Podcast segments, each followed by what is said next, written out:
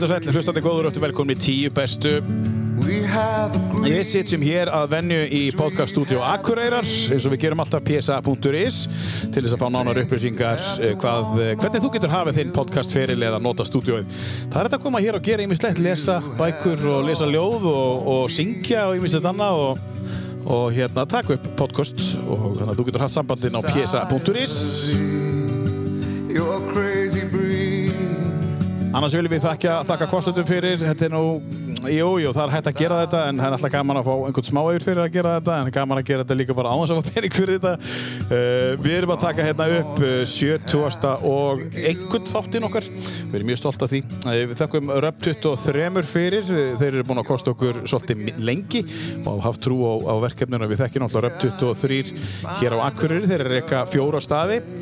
Uh, Sushi Corner og, og, og Bautan og Pizzasmiðuna og Röpp 23 svo er líka að opna 5. staðin í krónunu núna í haust þar sem er að fara að selja sushi uh, hér í nýju krónuhúsinu sem er að opna hér á Akureyri. Uh, Hægt er að kaupa hátægiskortin áfram þar og grínverð þar eitthvað kringu 2 skall rétturinn og þú getur farið á alla þessa staði. Re reyndar veit ég hvort þú getur notað þetta í krónunu í haust og það kemur í ljós. En um að gera að kíkja á það Takk fyrir kostunum og 10 bestur Röpp 23 Svo er það Akureyrar Apotek, Akureyrar Apotek við vestlum við okkar fólk á sjálfsögðu og ég tala af reynslu þar sem að uh, hurst að leita mikið í Apotek og uh, Akureyrar Apotek vildi fá þið með okkur í, í, í, í samstarf vegna þess að það er alltaf allt til þar, það er bara svo þægilegt. Man þarf ekki að fara á milli, milli Apoteka og, og, og hérna, bara fer í Akureyrar Apotek og þú bara, og það er yfirleitt til, þannig, og líka frábær þjónusta og hröð og góð. Þannig að við þakkum kjærlega fyrir uh, kostununa uh, á tíu bestu Akureyrar Apotek. Svo er hérna í Konstantin sem að uh, kemur inn sumulegis, kynntist honum Munda, ekki fyrir löngu síðan, frábær tattoo-artisti og hann er að reyka tattoo-stofu hér á Akureyri sem heitir Vikings Tattoo. Og já, ég verð bara að segja alveg svo er þegar maður fer í, í, í og fær sér tattoo þá, þá, þá verður hann að vera skemmtilegur tattoo-artistinn og það með situr hann heil lengi og hundir náttúrulega algjör snillingur og fyrir utan það er hann rosalega góður e, í sínu fæi og við mælum með þess, þessu á sjálfsögðu eða þú ert að spája að fá þér flúr kíkja á Vikings Tattoo uh, Akureyri inn á Facebook til dæmis og getur þú sé hvað hann er að gera. Takk fyrir kosturinn á Vikings Tattoo. Svo er ég góðið samstarfi við Akureyri.net þess að við erum alltaf á vonum að það haldi áfram Akureyri.net. Takk fyrir uh, kosturinn. Til mín í dag er komin aðili sem að uh, margir þekkja og uh, ég veit að hann þekkir sjálfan sig ég, ég held að hann þekkir sjálfan sig mjög vel uh, er það rétt hjá mig Stefán Eli er þetta ekki svolítið tengdur sjálfur þér? Ég meina þetta fer inn og út ég þykist ekki að sjálfa mig Já. svo kemur lífið og snýr mér ringin og ég átta mig á því ég þekki mig ekki neitt og svo átta mig á því að ég þekkti mig allan tíman og já. þetta fer allt fram og tilbaka sko. já, En gaman að fá þig og takk fyrir að koma Indistækt að vera með þér Takk hella fyrir að fá mig Já, Stefán Eli Haugsson, þú, þú ert akkuringur í grunninn? Segð okkur aðeins hver þú ert. Þú ert tónlistamæður? Jú, ég er hér og heiti Stefán Eli. Ég er fættur uppalinn á Akureyri. Ég er listamæður, tónlistamæður, skapari, listmálari. Wow. Allskins, ferðalangur, frumkvöðull, nefndu það. Ég, ég er í öllu. Frekar að nefna eitthvað sem þú ert ekki. Ég er ekki, ég, starf, ég er ekki kokkur, Nei. ég er ekki byggingavinnu, Ekki lögregluþjón? ég er ekki lögregluþjón. ok, en var gaman að fá þig. Eh, Þú segð okkur aðeins, þú ert akkureringur og, og, og ert uppalinn. Sko, foreldra mínir eru Sigurbjörg Ósk, Sigurðardóttir og Haukur Pálmarsson sem að, uh, sko, margir kannski kannast þá við afa minn sem er Pálmi Stefánsson sem að stopnaði tónabúðina og var hérna að spila á fullu í bænum og var að gefa út músík Já, og já, já, já. allskins Spilaði með öllum stóru böndunum. hérna einmitt og gaf út mikið af þessari frægu íslensku tónlist það var náttúrulega með tónaútgáfuna sem að Já. var að gefa út hérna fyrir norðan Já, hann var með tónaútgáfuna með þér. Akkurat, ég gef ennþá út, núna þegar ég er að gefa út músík þá kemur það út undir tónaútgáfinni Já, já. Afi náttúrulega fjall frá í fyrra, það er orðið tæft ár síðan hann Mhm. dó og eftir það þá ákveðum við að koma tónaútgáfinni undir allt það sem ég var að gefa út. Mhm. þannig ef maður sér á Spotify ef einhver er að hlusta það sem ég er að gefa út þá stendur alltaf þarna fyrir neðan tónaútgáfin Það það er kósi bara. En, en þú afi, voru þið nánir? Við vorum ágætlega nánir. Já, já. Það var, sko, við spiluðum við náðum að spila eilítið músík saman uh, og hafa fyndið út að ég hef náttúrulega gert alls kynns músík. Og stundum var ég að spila þetta fyrir Ava sko. Og hann fílaði þetta misvel. Ég, man, ég spila einhvern tíðan fyrir hann eitthvað lag það það var svona pínu ævintýralegt það sem ég var að gera með rattsviðið og rattbeitinguna í þessu lagi. Og já, pínu að kanna mig áfram á, á, á kannski óhefbundna vegu. Og ég spilaði þetta fyrir hann. Ég, mér minnir þetta hafi verið um jólin. Og ég set headphone á höfuð á hann og segi, Afi, tjekka þessu, þetta er það sem ég er búin að vera að vinna í núna. Og hann bara verður þögull og hlustar á þetta en ég þess að þrjár fjóra mínútur. Svo spyr ég hann eftir á þetta. Hann sagði ekkert eftir og ég segi, Afi, hvað finnst þér eiginlega um þetta? "Ja, Þetta er skrítið. Er ekkert meir. En, en, en, en sko, er þetta skrítið þið búið að gera? Ég meina það fer allt eftir samhenginu sem að sá sem að hlustar er að líta á þetta og hlusta á þetta í gegnum. Einmitt. Fyrir mér er ekkert eðlilegra heldur en það sé að gera. Nei. En í augum margra þá er þetta stórfurðulegt. En, en, en ferðu óhef, óhefbundan leiðir þegar þú ert að semja og, og, og, og, og syngja? Eða, Ég, sko, ég klárlega fer mínar eigin leiðir sem að ég held að fáir hafi oft fetað leiðinar sem ég er að fara þegar kemur að sköpunarferlinu í að fæða þessa tónlist. En þetta hefur auðvitað þróast svakalega mikið fyrir mig á ferlinum. Ég byrja að gera bara hip-hop sko, Já, bara já. stránkheðalegt bara eftir formúlinni í raun. Samt alltaf ákveðin svona listræn keimur yfir þessu hjá mér þar sem ég var að kanna mismöndi nálganir og svoleiðis. En svo með tímanum þá fer ég í raun að prófa mig áfram í allskins mismöndi já, útsetningum, tónlistarstefnum hvernig ég er að syngja, hvað ég er að spila uh, sko, hljóðsköpunin allt þetta í, og núna, þú veist, ef maður lítur á allt sem ég gefið út, þá er þetta algjört ferðalag að sjá bara, þú veist ég hef mynd hlust á þetta og, og margt af þessu gamla sem ég hef gert finnst mér núna alveg bara ekkert varið í, nei. en ég leiði þessu öll að vera þarna og ég, ég, ég hef alltaf nálgast þetta þannig að vinna það sem ég er að vinna svo bara koma þið frá mér, fara yfir í næsta. Já. vinna það sem ég er að vinna, koma þið frá mér fara yfir í næsta, sumir lenda á þessum vegga, vilja gera allt fullkomið og það er að leiðandi koma aldrei neinu frá sér, út af það er alltaf Já. hægt að bæta aðeins og breyta aðeins og eitthvað svona. Ég vinn þetta bara þangað til að þetta er komið á allavega ágætan stað, þú veist, það sem er mér finnst góðu staður, ég veit alveg að það er hægt að vinna í þessu meir en þá bara sendi ég þetta frá mér af ég veit að fyrir mig er sterkara að fara yfir í næsta og gera það þó frekar betur heldur en að vera að hjakka í sama aftur og aftur. Þess vegna ef ég gefið út svona mikið þú veist, ég hef gefið út held ég 60 lög eða eitthvað á þessum tíumúndi já.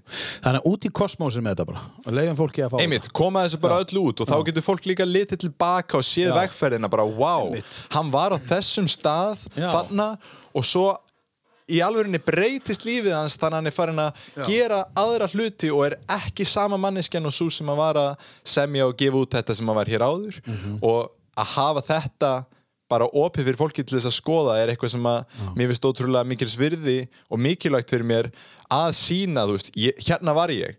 Bæði, þú veist, var ég ekki eins góður í að syngja, ég var ekki eins góður í að hérna, semja lög eða taka upp eða neitt, en ég er með þetta allt annað og ég var á allt öðrum tilfinningarlega, eða mm allt öðrum stað tilfinningarlega og andlega og mitt meðvitundar stigir var bara allt annað svo hefur þetta þróast ótrúlega hratt fyrir mig ég er, ég er náttúrulega bara 22 ennþá. Þannig að við erum að tala um það að ég er búin að gefa út þrjár breiðskífur á, og svo hellinga smáskífum og smæri verkum og allskins En ertu, ertu í grunninn óhrættur við, við, þú veist, almenningsálit? Góð spurning, mjög góð spurning. Sko, ég finn fyrir óttanum. Já, svo bara ger ég það samt. Já þú veist, ég finn Af, af, hva, hva, af hverju heldur það sé? vegna þess að ég veit að þegar ég stíg inn í það sem hræði mig þá vex ég. Já, þegar ég stíg inn í óttan þá er ég að stíga út úr þægindaramanum og þar á allur vöxtur sér stað. Út að inn í þægindaramanum þá sko er ekkert rými til þess að bæta sig það er ekki rými til þess að prófa eitthvað nýtt og þá heldur maður sér í smæðinni í raun, maður heldur sér smáum já, mig langar í mínu lífi að upplifa eins mikilfenglega upplifun og hægt er. Og þar að leiðandi teki þá ákvörðun að stíga út fyrir þægindarama minn kanna þessar mismöndi hliðar af lífinu sem ég hef ekki kannað áður á allskins mismjöndi vegu, veist, ég, ég stíg út úr þægindarammanum í tónlistinni sem ég er að gefa út, í fötunum sem ég klæðist, í því sem ég ákveða að setja á netið, hvernig ég tala við fólk, hvernig ég ber mig. Ég er alltaf bara, þú veist að einhverju leiti er ég að reyna að augra sjálfur mér, bara að sjá, hvað er eiginlega hægt að fara langt með þetta, veist, hvað, hvað getur eiginlega að fara langt með þetta? Og það, fyrir mér þá er það ástæðan af hverju við erum hérna, við erum hérna til þess að skapa þá upplifun sem að okkur langar helst að upplifa. Og fyrir mér, þegar ég tengi mig inn á sjálfa mig og spyr mig, hvað er það sem að mér virkið lang, langar til þess að upplifa? Af hverju kom ég til þessar jarðar? Var það til þess að snúast ring eftir ring á sama tannhjólinu, að gera sama hlutin í þægindaramanum aftur og aftur? Eða var það til þess að halda áfram alltaf að vaksa, að kanna nýjar hliðar á lífinu, kynnast nýjum hlutum að sjálfu mér, nýjum hlutum af heiminum? Og þú veist, þetta er það sem að ef maður lítur bara á sköpunina ef maður lítur á náttúruna þá er þetta það sem er að skeið, það er alltaf nýjar leiðir sem að alheimurinn er að tjá sig á skapandi vegu sem hafa ekki verið gerðar áður. Þú veist, þetta er það sem hefur verið að gerast frá upphafi. Til dæmis voru blóm ekki til einu sinni. Svo allt í einu kemur eitthvað nýtt og blóm fæðist. Á, áður en tré voru til þá var hugmyndin af trjám mjög ónáttúruleg og það einfallega voru ekki til. Svo sköpuðust þau og þau urðu hluti af náttúrunni. Sama gildir um tæknina sem við erum með í dag.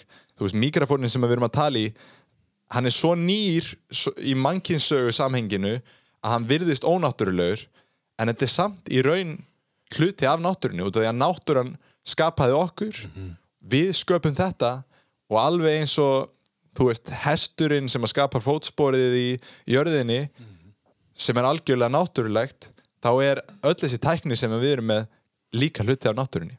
Hefur þú alltaf verið með þessa filosofíu til lífsins eða er þetta eitthvað sem bara að koma til því núna þegar þú ert að, ég ætla ekki að segja eldast, þú ert 22 ára gaman en, en sko, er þetta að koma til því núna sterkara eða er eitthvað sem þú þarfst að upplifa til þess að komast ánga Stefán eða hefur þetta alltaf verið?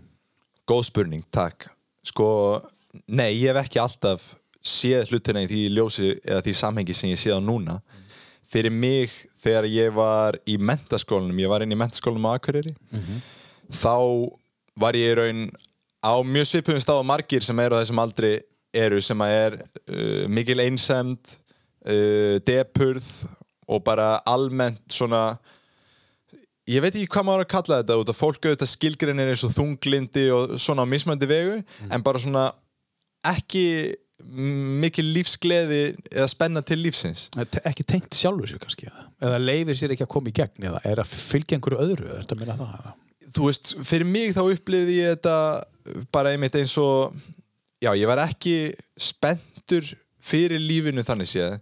Ég samt vissi alltaf að mér langaði að gera eitthvað magnað, þú veist, frá upphafi þegar ég var í íþróttum sem krakki þá ætlaði ég alltaf að vera bestur þú veist, ég ætlaði alltaf, ég, ég byrjaði mjög ungur í fótbolta, þá ætlaði ég að vera atvinnum fótboltamæður, svo þú veist var ég á hjólabretti og þá ætlaði ég að vera atvinnumæður í því, ég var snjóbretti ég var í fimmleikum og parkour, körfubolta og alltaf ætlaði ég að meika það í því, skiluru þannig ég var með það Metna var með metnaðin og var með þessi stóru sín sko. en svo þú veist við þurfum nú kannski, kannski ekki að fara of djúft í það en ég held að það sem að spili stóran þátt í þessu er í raun bara uppbygging skólakerfisins sem að er auðvitað mjög sko, takmarkandi fyrir skapandi einstaklinga og mjög uh, umgjörð sem að er verið að munda sig innan í bæði í grunnskólum og framhaldsskólum hér. Þú veist, ég er náttúrulega að vera í Emma sem að er mjög langt eftir á þróuninni þegar kemur að því bara hvert við erum komin núna í dag sem mannkinn og svo hvernig við erum að reyna að ala og, og kenna ungu fólki að vera í heiminum. Og við erum ennþá að gera það með því að sittu í 8 klukkutíma á dag við borð og horfðu á töflu eða horfðu á hann í bók og gera það sama og allir aðrir er ekki Einmitt. Já.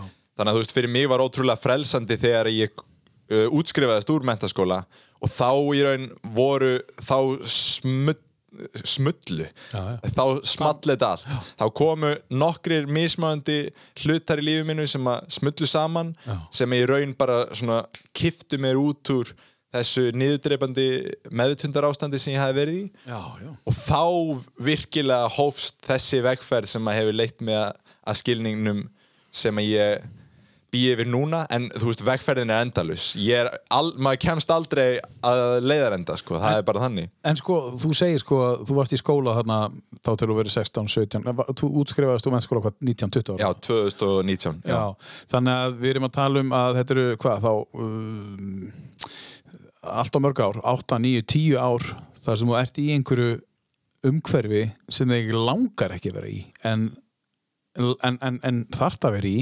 Einmitt. Uh, og síðan þegar þú hættir í þessu umhverfi þá færðu þá er, þá er karakterin þinn að skýna í gegn sem að var alveg þú varst lítill strákur. Akkurat.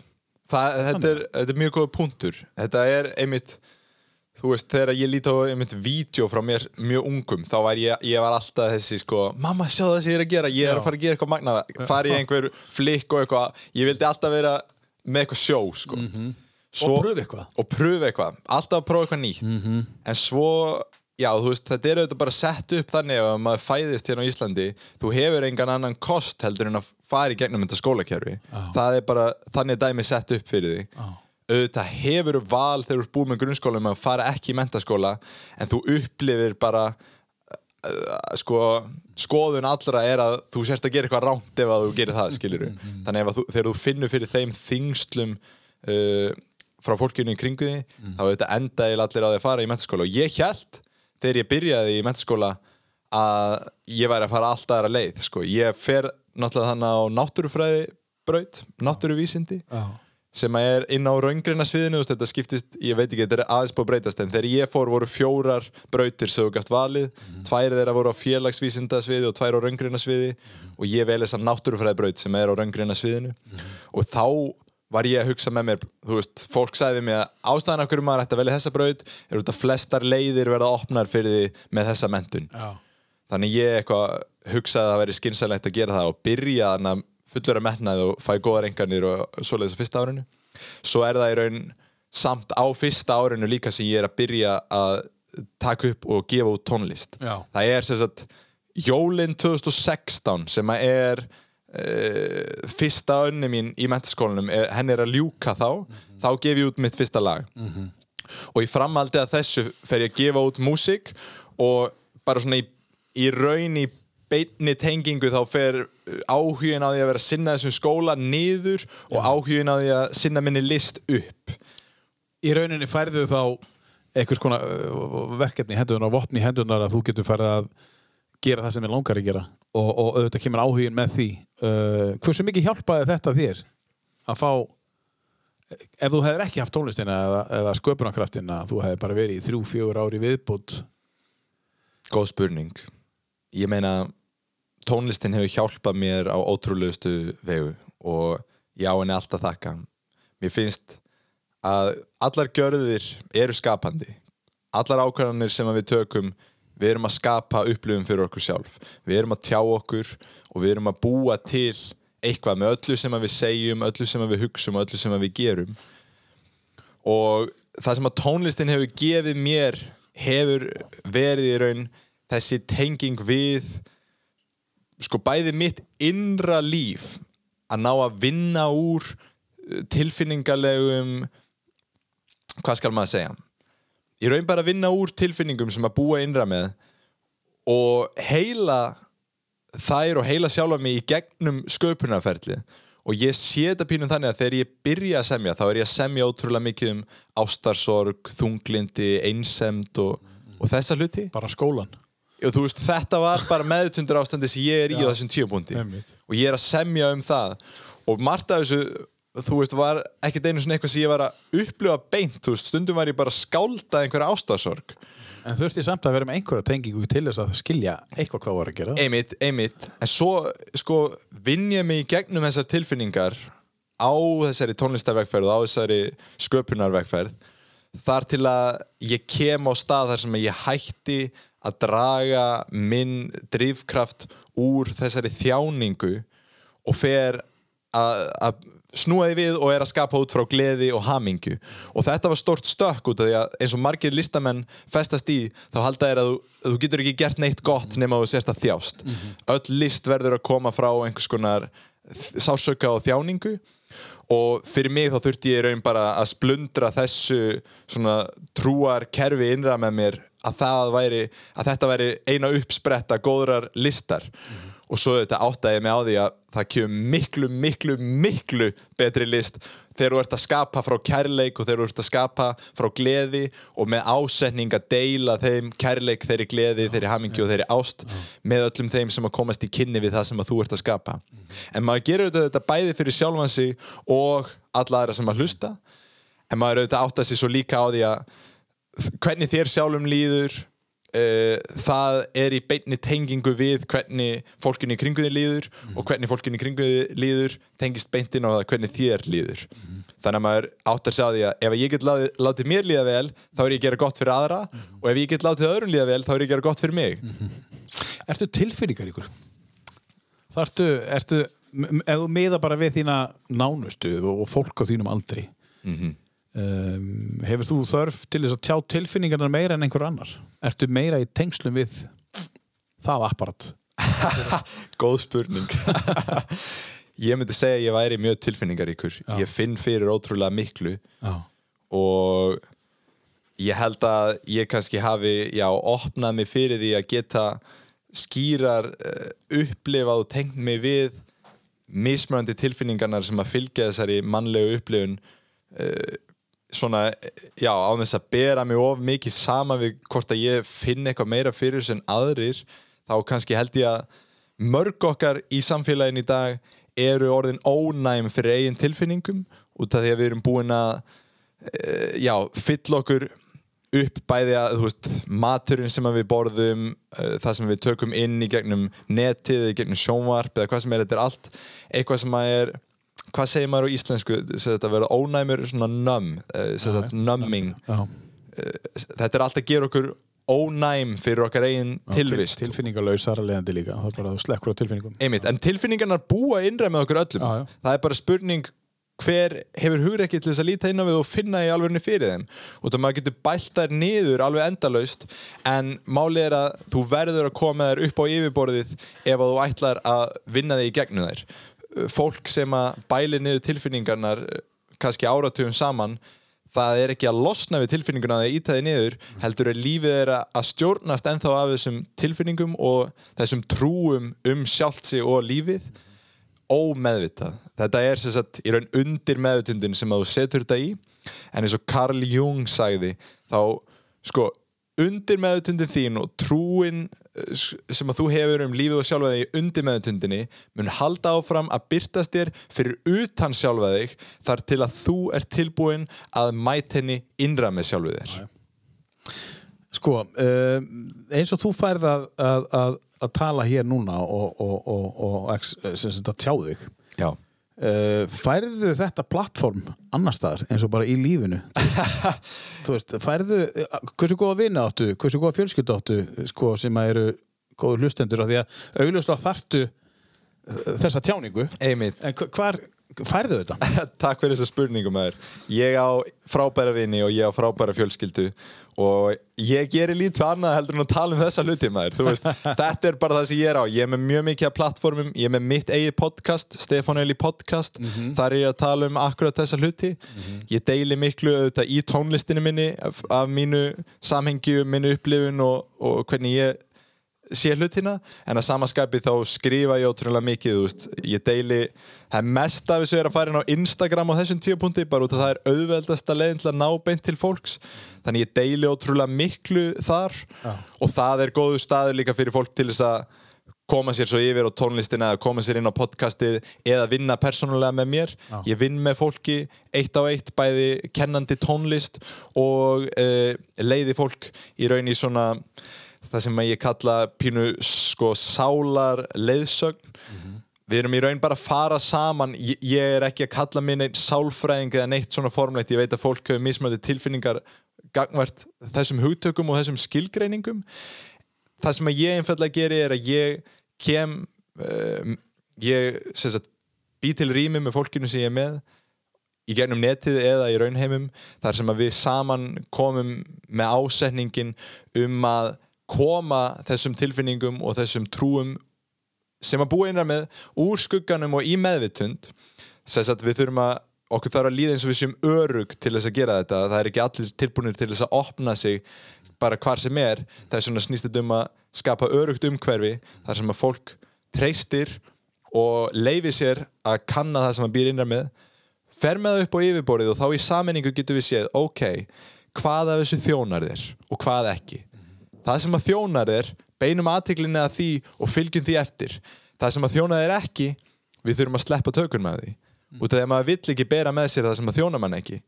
Þetta getur verið ótrúlega erfið vinna út af maður getur verið búin að sko, það getur að hafa fyllt manni hugmyndir sem að hafa ekki þjóna manni kannski áratugum saman.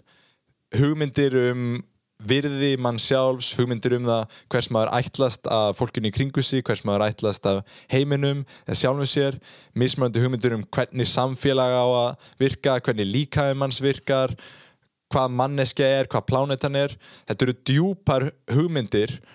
Ég veit ekki á íslensku besta orðið fyrir belief. Ég er að segja trú fyrir þetta orð belief en þetta eru, bara. já, þetta eru þessar trúr eða þessi belief Já. sem að eru innra með manni sem að við erum að fara upp með á yfirborðið og einfallega bara spyrja sig hva, hvað er það sem þig langar að trúa um heiminn? Út af það sem að þú trúir er það sem að skapar þínu upplifun? En, en, en þegar, maður, þegar þú fær svona fólk til þín eða fólk til þín sem er að fara í þessa uh, já, sækir til þín út af þessu ég meina, þar, þarf ekki sá sem að eins og þú í þessu tilfelli sem er hinum megin við og er að hjálpa manni, þarf hann ekki að vera í góðum tengslum og skilja þá? Þú veist, þú, þú, veist bara, þú veist, þetta sem þú ert að segja núna uh, þú, getur, þú þarft að skilja þetta til þess að, til þess að geta dreigið þetta fengið þetta upp úr manninu sem kemur til þín. Það er mjög gott að hafa einmitt upplifað þetta sjálfur og unnið þessa vinnu sjálfur til þess að geta aðstóðað annað fólk á vegferðinni og við erum öll á mismöndi stöðum á vegferðinni og getum öll hjálpað hverju öðru hvar sem við erum stödd. Maður þarf ekki vera komin á enda stað og orðin sko að vita allt um eitthvað til þess að geta kent einhverjum á vegferðinni sem er kannski eilítið fyrir aftan þig. Strax og þú ert búin að læra eh, eitthvað þá áttu alltaf endalust meira að læra um þetta. Til dæmis ef við tökum tónlist. Segjum sem svo ég byrji að læra söng og ég er búin að læra í eitt ár ég er ekki búin að læra allt sem ég hef að læra um söng en strax get ég ferð að kenna einhverjum sem er ekki búin að læra neitt. Já, ég skil hvað svo er þessi keðja bara þar sem að ég er alltaf að læra.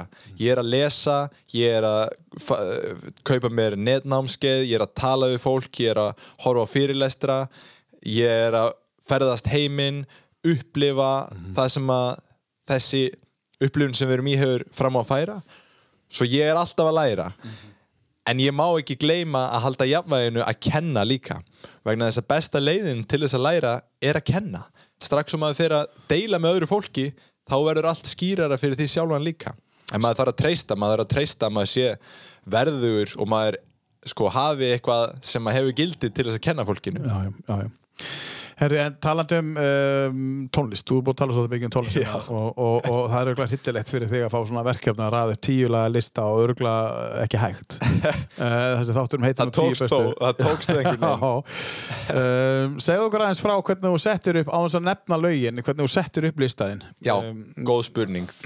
Takk, þannig erum við komin með sko tíu lög sem þú baðst mig um að setja á lista og þú baðst mig um að setja þannig tíu lög sem að hafa verið já, lög sem ég hef tengt mikið við í gegnum áreinu eða einhver svona uppáhaldslög og ég einhvern veginn ákvað að taka þá nálgun að hafa þetta fjölbreytt og taka lög sem að koma allstaðan að sem að hafa á mismöndi tíumpunktum á minni vegferð hjálpa mér já, bara á, á mjög mismöndi vegu, þessi lög eru mjög fjölbreytt. Sum þeirra er eitthvað sem að hafa algjörlega sko haft stórfenglega áhrif á líf mitt á tíumpunktum og sum þeirra er eitthvað sem að var bara eitthvað geggja vibe sem ég var á á tímambili og var að hlusta á þetta skilur á hverju viltu byrja og af hverju er það lag á listanum?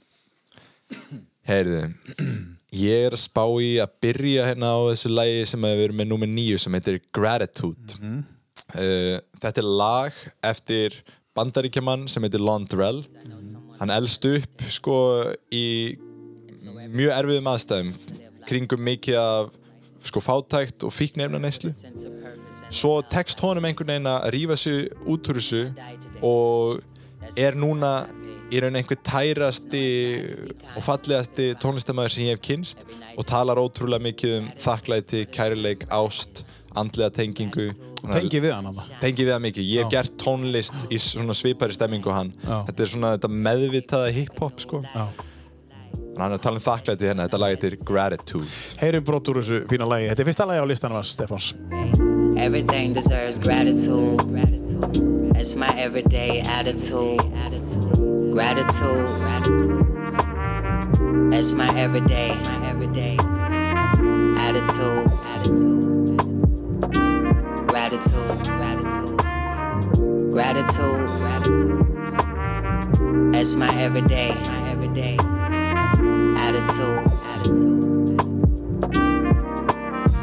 Gratitude, gratitude. Gratitude is the fruit of life. The nourishment of the soul when there's no food in sight. When your vibrations are low and you feel blue inside.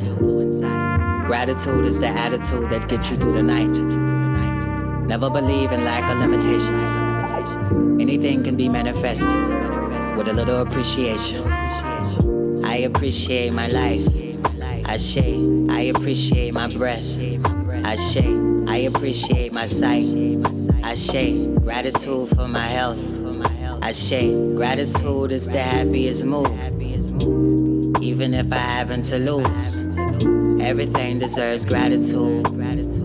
That's my everyday attitude. Gratitude. That's my everyday attitude. Gratitude. Gratitude. Gratitude. Gratitude. That's my everyday, my everyday attitude. Gratitude. Gratitude. With a heart full of gratitude. And a mind full of peace. It's how you should live. It's how you should be. With a heart full of gratitude and a mind full of peace. That's how you should love. Þetta er hann Londrell og lag sem heitir Gratitude. Þetta er fyrsta lagi á uh, tíulega listanum af Stefáns Elísin sittur hérna hjá mér í tíu bestu. Takk fyrir að hlusta. Hvar kynnistu eftir þessum? Uh, Þú sagður á hann. Hvar, hvar kynntistu þessum gæja? Hvar, ég, sko þegar ég hlusta fyrst á hann, þegar ég heyri hann fyrst þá er ég dansandi uh, í Guatemala Já. þar eru við sem sagt með það er staður þar sem heitir Eagles Nest sem sagt Arnar Reyðrið þar sem að já, félagi mig hann var að þeita skífum hann, hann er plötusnúður og við vorum með í raun það sem heitir Ecstatic Dance. Ég veit ekki hvert íslenska orðið fyrir þetta er en þetta er raun bara frjálst dansflæði. Og þá setur hann af stað eitt af hans lögum og það svona skemmtilega við hennan tónlistamann er að hann er inn í þessum svona hip-hop geira en málið með þetta mikið hip-hop er kannski að textarnir og orkan bakviða er ekki alveg heilnæm sko, margt af þessu verið kannski að, að lofsyngja um, hluti sem að já, kannski eru ekki já, þeir tærustu að, þú veist, auðvitað er þetta allt gott og blessað þegar öll eru botnin kvöld en það skemmtilega við hann er einmitt að hann er að tala svo mikið um þessa andlegu speki þennan kærleika en er að gera það innan í umgjörð hip-hopsins Já, já, út að ég hef elskað hip-hop allt mitt líf en ég byrjaði að, að pínu fjarlægast það þegar ég fór svona pínu að vakna til vitundar Já. út af því að mér fannst svo glata að vera að hlusta á þessa texta og vera með þessa orku alltaf í kringum mig já, verið með svona leiðilega texta, svona, Einmitt. svona vonda hip-hop texta. Svona- Við sem tala um neikvætt og... einmitt verið að tala um neikvætt og ofbeldi Já, og illa lofsyngja uh, Peninga og völd Pen- og... fíkni- fíkniefni. Já, já. Um, uh, hvað er ólstu upp hérna á Akureyri? Og, og, og, og þú nefndi nú fóröldarinn á hann og afaðinn um, áttu einhver sískinni og af hverju svona mikil tónlist? Er mikil tónlist í, í, í, í ættinni okkur? 603, ég er frá 603 ég kem bara beint úr þorpinu elst upp í síðukverfi svo ég ég var í síðuskóla alla mína skólagöngu. Ég reyndar fór í sjönda bekk og, og bjó í Flórida við, Já, já. við byggum eitt ár í bandaríkunum þannig þegar ég var í sjönda bekk hvernig var það? það? var mögnuð upplifun Já. á sama skapi þá var ég ekkert alveg full ánæður með hann og þú getur ímyndað þér á einmitt þessum aldri þessi úlingsár þá langaði mér bara að vera með félögum mínum og vinum mínum Já, heima. þú veist, allir voru nýkomnir með einhverja síma og allir eitthvað að snappa og bara allavega svo er ég einhverstaðar einn út í bandaríkjunum eitthvað, ha? Já, ég skil. Þannig að, en ég læriði mjög mikið að þeirri Já, upplifun að flytja út Já, já. en annars segi verið í síðuskóla ég á tvö sískinni yngri, ég er elstur. Uh, Hvað heita þeir? Neotýr og Ásta Sóli Já, já. Svo ég á tvö yngri sískinni ég bý uh, við, við erum fimm í fjölskyldinu þannig að tvö yngri sískinni, fólkdar mínu er ennþá saman. Og tónlistin þú veist, mamma, hún er listmálari hún er jógakennari, hún er í allskins fallegri sköpun og hefur verið í lengi.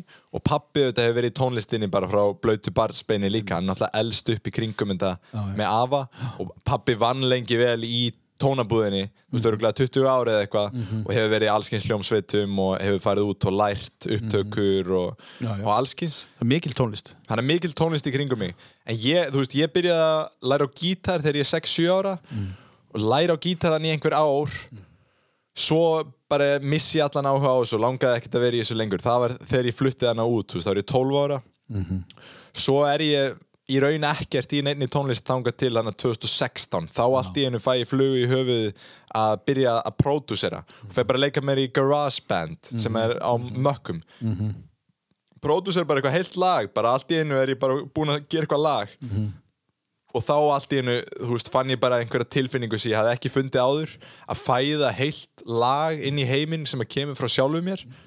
Og ég bara hætti ekki síðan, þú veist, ég fór náttúrulega bara óður inn í þetta til að byrja með. Það voru þarna 2-3 ár þar sem ég gerði ekkert annað nema náttúrulega verið hann í mentaskólanum ég gerði ekkert annað heldur en að annarkvort vera að pródúsera músík eða vera að horfa á vídeo af hvernig maður á að pródúsera og taka upp og allt þetta ég bara sökti mér algjörlega ofan í þetta. Og það hjálpaði þér í þessu steríska sko uh, kennslu umhverfi sem skólinn er að, að vera í einhverju svona eins og þú talar á maður, vera í einhverju svona umhverfi það sem er skapandi. Algjörlega, það var náttúrulega bara það sem að gefa mig líf á þessum tíupunkti er að hafa þetta.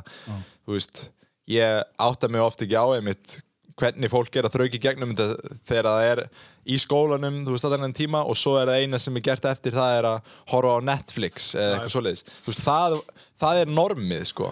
Það er normið, en ég fyrir mig einhvern veginn, ég hef aldrei getað ímyndað mér að, að passa alveg beint inn í þetta sko form sem að er kallað sem er búið að búa til samfélagslegi, eðlilegi, ábyrgi einstaklingurinn. Sem er búið að búa til á einhverju fólki sem að er þannig einmitt, Skilju. þú veist, þetta er eitthvað sem við erum að halda uppi öll saman þessari hugmynd um það hvernig manneskja eigi að eh, sko, nálgast sína tilvist og hvað sé eðlilegt og hvað ekki Já.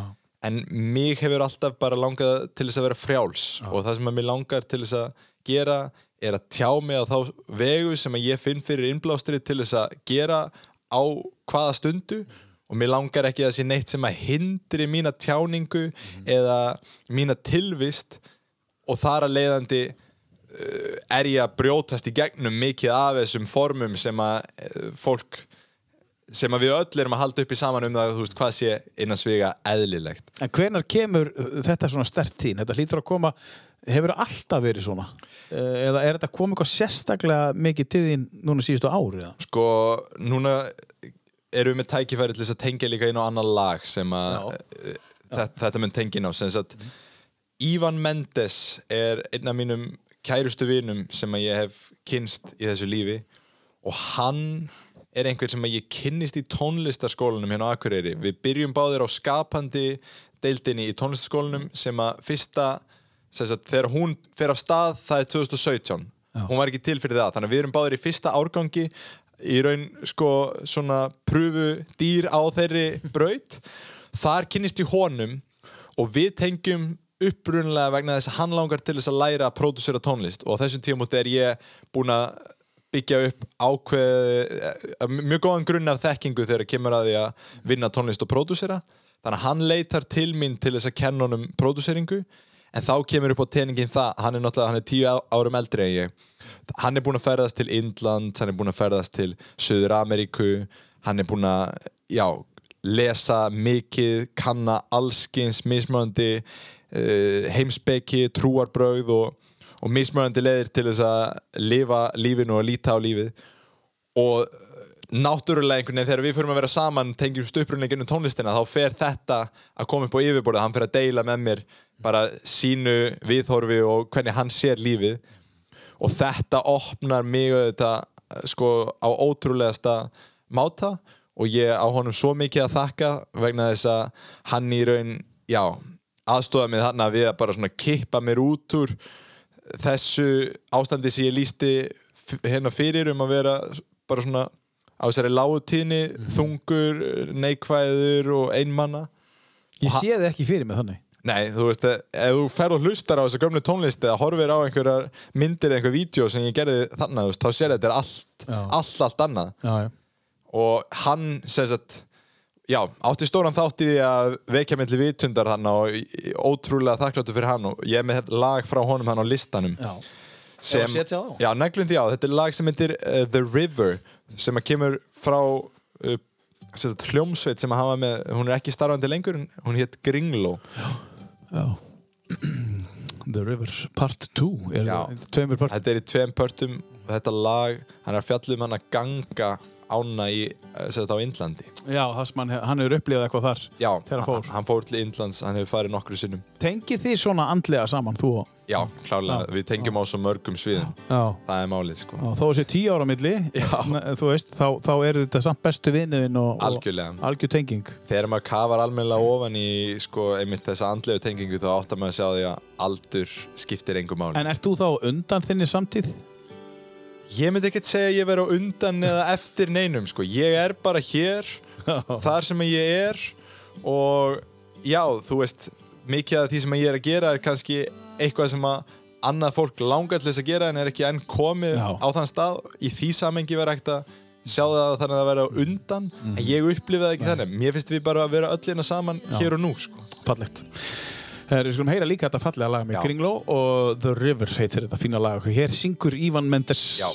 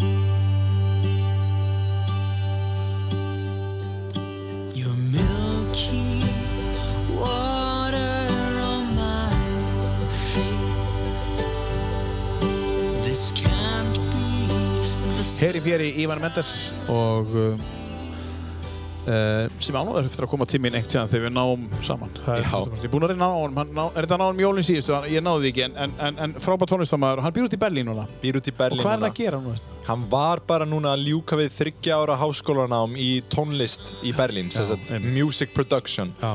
þannig að hann var að klára það núna Já. og núna er hann, hann býr í Berlín verður þar að stæstu í sumar hann kemur undar í smá heimsókn hinga en reiknar með, með því að halda áfram að vera í Þískalandi allavega út þetta ár skilst mér. Um, við vorum að tala um að þú út úr síaskóla 603 um, um, og sískininn, hún nefndi það Uh, er einhver tónlist á þessum lista hérna, Stefán Já. Þú ætlum ekki að segja það, við erum að halda þessu svolítið leindu sem að kemur í gegnum sískinni eða foreldra, þú veist, eða er, er þetta bara sjálfskapað? Já, það er ekkert annað sem kemur í gennum þau. Ekki einu sinni þetta hérna Nei, ekki einu sinni þetta, Ekki einu sinni þetta, nei. Nei. Nei, þetta er allt eitthvað sem hefur komið í gennum eitthvað annað en fjölskyldur En hvað eru þau að hlusta á? Veistu það, er það eitthvað Það er eitthvað annað en ég, sko. Þannig að þú, ert, þú, ert, þú, þú skerði úr þar líka sko. Já, þú veist, ég og mamma getum tengt að einhverju leiti að hlusta, ég hlusta mjög mikið af hugleðslu tónlist eða Já, já. svona e, tónlist sem er kannski meira að halda einhverju andrumslofti, Mhm. fljótandi og flæðandi. Það er eitthvað sem við getum hlusta á saman, veist, ég og mamma drekkum oft kakó saman og þá erum við að hlusta eitthvað svoleiðis. já, já. Pappi og ég höfum auðvitað unnið ótrúlega mikið saman í tónlistinni. Þú veist, pappi hefur hljóðblandað bróður hlutina af allir tónlist sem ég hef gefið út. Einmitt. En pappi hlustar á öðruvísi tónlist en ég, hann er meira svona í punki og rocki en er náttúrulega gammal punkhundur.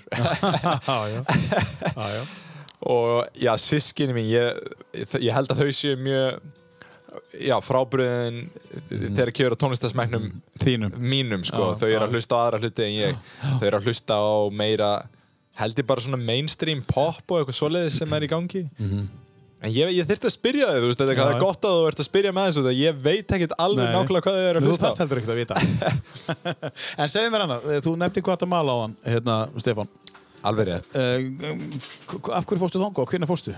Og hvað varst að gera?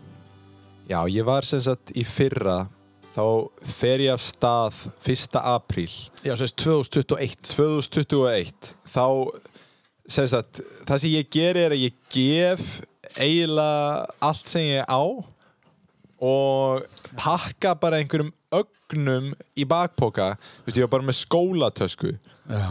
Svo bara flýg ég á one way ticket bara aðra ferðina. Yfir til Mexico City Já, með í raun nákvæmlega ekkert plan. Bara ekki neitt. Ég var með tvær nætur bókaðar í Mexico City og ekkert meir. Nei svo enda ég á því að vera í Mexiko þannig að samtals í þrjá mánuði. Ég, sko, ég endaði að fara frá Mexico City yfir á ströndina bjó í tvo mánuði í litlum bæ sem heitir San Pancho á vesturströnd Mexiko þar, já, gerði ég allskins hluti var að vinna með heilum meðölum sem að koma þannig frá Mexiko uh, ég var að vinna tónlist, ég var að tengjast fólki, ég var að í raun bara að leika mér að mjög mörgu leiti Svo ferðast ég aðeins um Mexiko hana meira sem að leiði mig suður, alla leiði niður að Guatemala. Sem sagt, Mexiko og Guatemala, þau eru, þau liggja saman. Landamærin, þannig á síðsta part Mexiko, Guatemala tekur við þar. Já Svo ég hef búin að vera að vinna mig niður í rútum, ferðast suður Mexiko, svo bara verið komið svo nálægt Guatemala og margir búin að segja mig frá því hvað væri sko magnaðan í Guatemala. Svo ég ákvað bara að skella mig niður. Svo fer ég til Guatemala og enda bara á því að vera þar í sex mánuði í litlum bæ sem heitir San Marcos sem er við vatn, það heitir Lake Atitlan, vatnið Atitlan. Það er 1500 metra yfir sjávarmáli upp í fjöllunum í Guatemala umkringt eldfjöllum en vatnið sjálft er gígur af það sem þeir kalla supervolcano. Sem að fyrir langa löngu þá var uh, það sem að þessi vassmassi núna liggur, þá var það risastórt eldfjall. Og málið er að engin veit hversu djúpt vatnið fer vegna þess að það eru þessar sprungur ofan í botninum á þessu sem enginn hefur náð að komast til botns til. Þannig að enginn veit hversu djúpt vatnið fer en þetta er umkringt eldfjöllum. Sum þeirra eru aktív, þú veist ég var þarna og þá sá maður bara í fjarskanum bara bjarma úr eldfjallið þarna. Nei, hvað sér? Já, og, og svo mikil svo, orka. Já, ótrúlega mikil orka þarna. Og það er mm, býtu nú aðeins, það eru 12 mismöndi þorp ef ég mann rétt og bæir í kringum vatnið og það eru töluð 21 tungumál þannig mm. að þá er ég ekki að tala um sem að ferðafólk kemur með heldur, við erum að tala um 21 mæja frumbyggja tungumál sem er ekki málískur af sama tungumálin heldur 21 mismöndi tungumál. Sem að fólkið þannig talar. Svo þetta talaðu langflest spænsku líka. Og hvað eru margir svona, sem búa þarna þá í þessum 12 þorpum og Ég veit ekki samtals, það er góð spurning. Já. Þar sem ég bjóð, þú veist, þorpinu sem ég var í San Marcos þá erum við ekki að tala um fleiri heldur en ég veit það ekki. Þetta eru nokkur hundru manns þannig. Já, ekki fleiri en það. Nei. Já, þannig að ég var þannig just, á þessari vegferð farandi bæði til Mexiko og Guatemala tók ég mig til, ég ákvað bara að læra spænsku. Ég var byrjaður að, að sko læra áður en ég fór út og ég vissi að ég væri að fara á þessar slóðir. Svo eftir bara svona 2-3 mánuði þá var þetta eiginlega búið að smetla sko, þá gæti ég farið að segja bara já, ég tala spænsku. Auðvitað á maður alltaf meira eftir að læra. Já, já. og ég, ég er aðeins núna búin að riðga eftir að ég kom aftur til Ísland, já. ég er ekki búin að vera í þjálfun. En já, það er ótrúlegt tala, við erum búin að tala um skólakerfið Mhm. þú veist, ég var í dönsku í hvað, fjögur, fimm ár samtals eða eitthvað og tvö ár í þýsku gæt aldrei Mhm. Nei. átt samtal við neitt Nei, svo á nokkrum mánuðum Já. að ég einbytti mér að þessu með allt annari nálgunni, þú veist, ég tók kúrs s- sem var bara maður hlustar og tala tilbaka, Mhm. engar glósur ekki leggja neitt á minni neitt svoleiðis og svo bara að tala við fólk Engin próf. engin próf, ekkert svoleiðis þá á nokkrum mánuðum allt í henni er ég bara talandi tungumál sem að ég kunni nákvæmlega ekkert í. Nei. það er Og ótrúlega magnu Og, upplöfun og ekki á að breyta ég, þú veist, ég er að vinna núna í naustaskóla. Ég er búin að vera að vinna þar síðustu þrjá mánuði með fymtabæk og það er búið að kenna mér ótrúlega margt. Þú veist, búið að setja margar hluti í samhengi fyrir mig að sjá hvar þessi kynslu sem er alast upp núna er stödd. Og já, þú veist, margt skemmtilegt að sjá en að samanleiti eh, finnst mér margt sorglegt að sjá í nálgurinni sem við erum að taka að ég ala börnin upp sko. Já, já. bara eins og við vorum að tala um veist, hlutin er að breytast svo hratt í okkar lífi núna sem mannkinn á þessari plántu að við verðum að vera tilbúin til þess að sko, taka ákvarðanir og gera stórar breytingar hratt. Út af að það er alltaf breytast svo hratt en við erum öll svo hikandi út af þannig kemur þetta aftur inn á þægindaraman við viljum bara vera í því sem við þekkjum og því sem er þægilegt og það er óþægilegt að þurfa að breyta. En það er ennþá óþægilega að breyta ekki. En er ekki rétt, rétt að sér þig að segja þið viljið ekki breyta af því að þú segir við? Ég tala oftast bara um okkur út af við erum öll í þessu saman. Já. ég reyna ekki að skapa einhvers konar fjarlæðu milli mín og allra aðra að segja að ég sé einhver sem viti hvað ég að gera og, og einhverjir aðrir viti það ekki. Mm.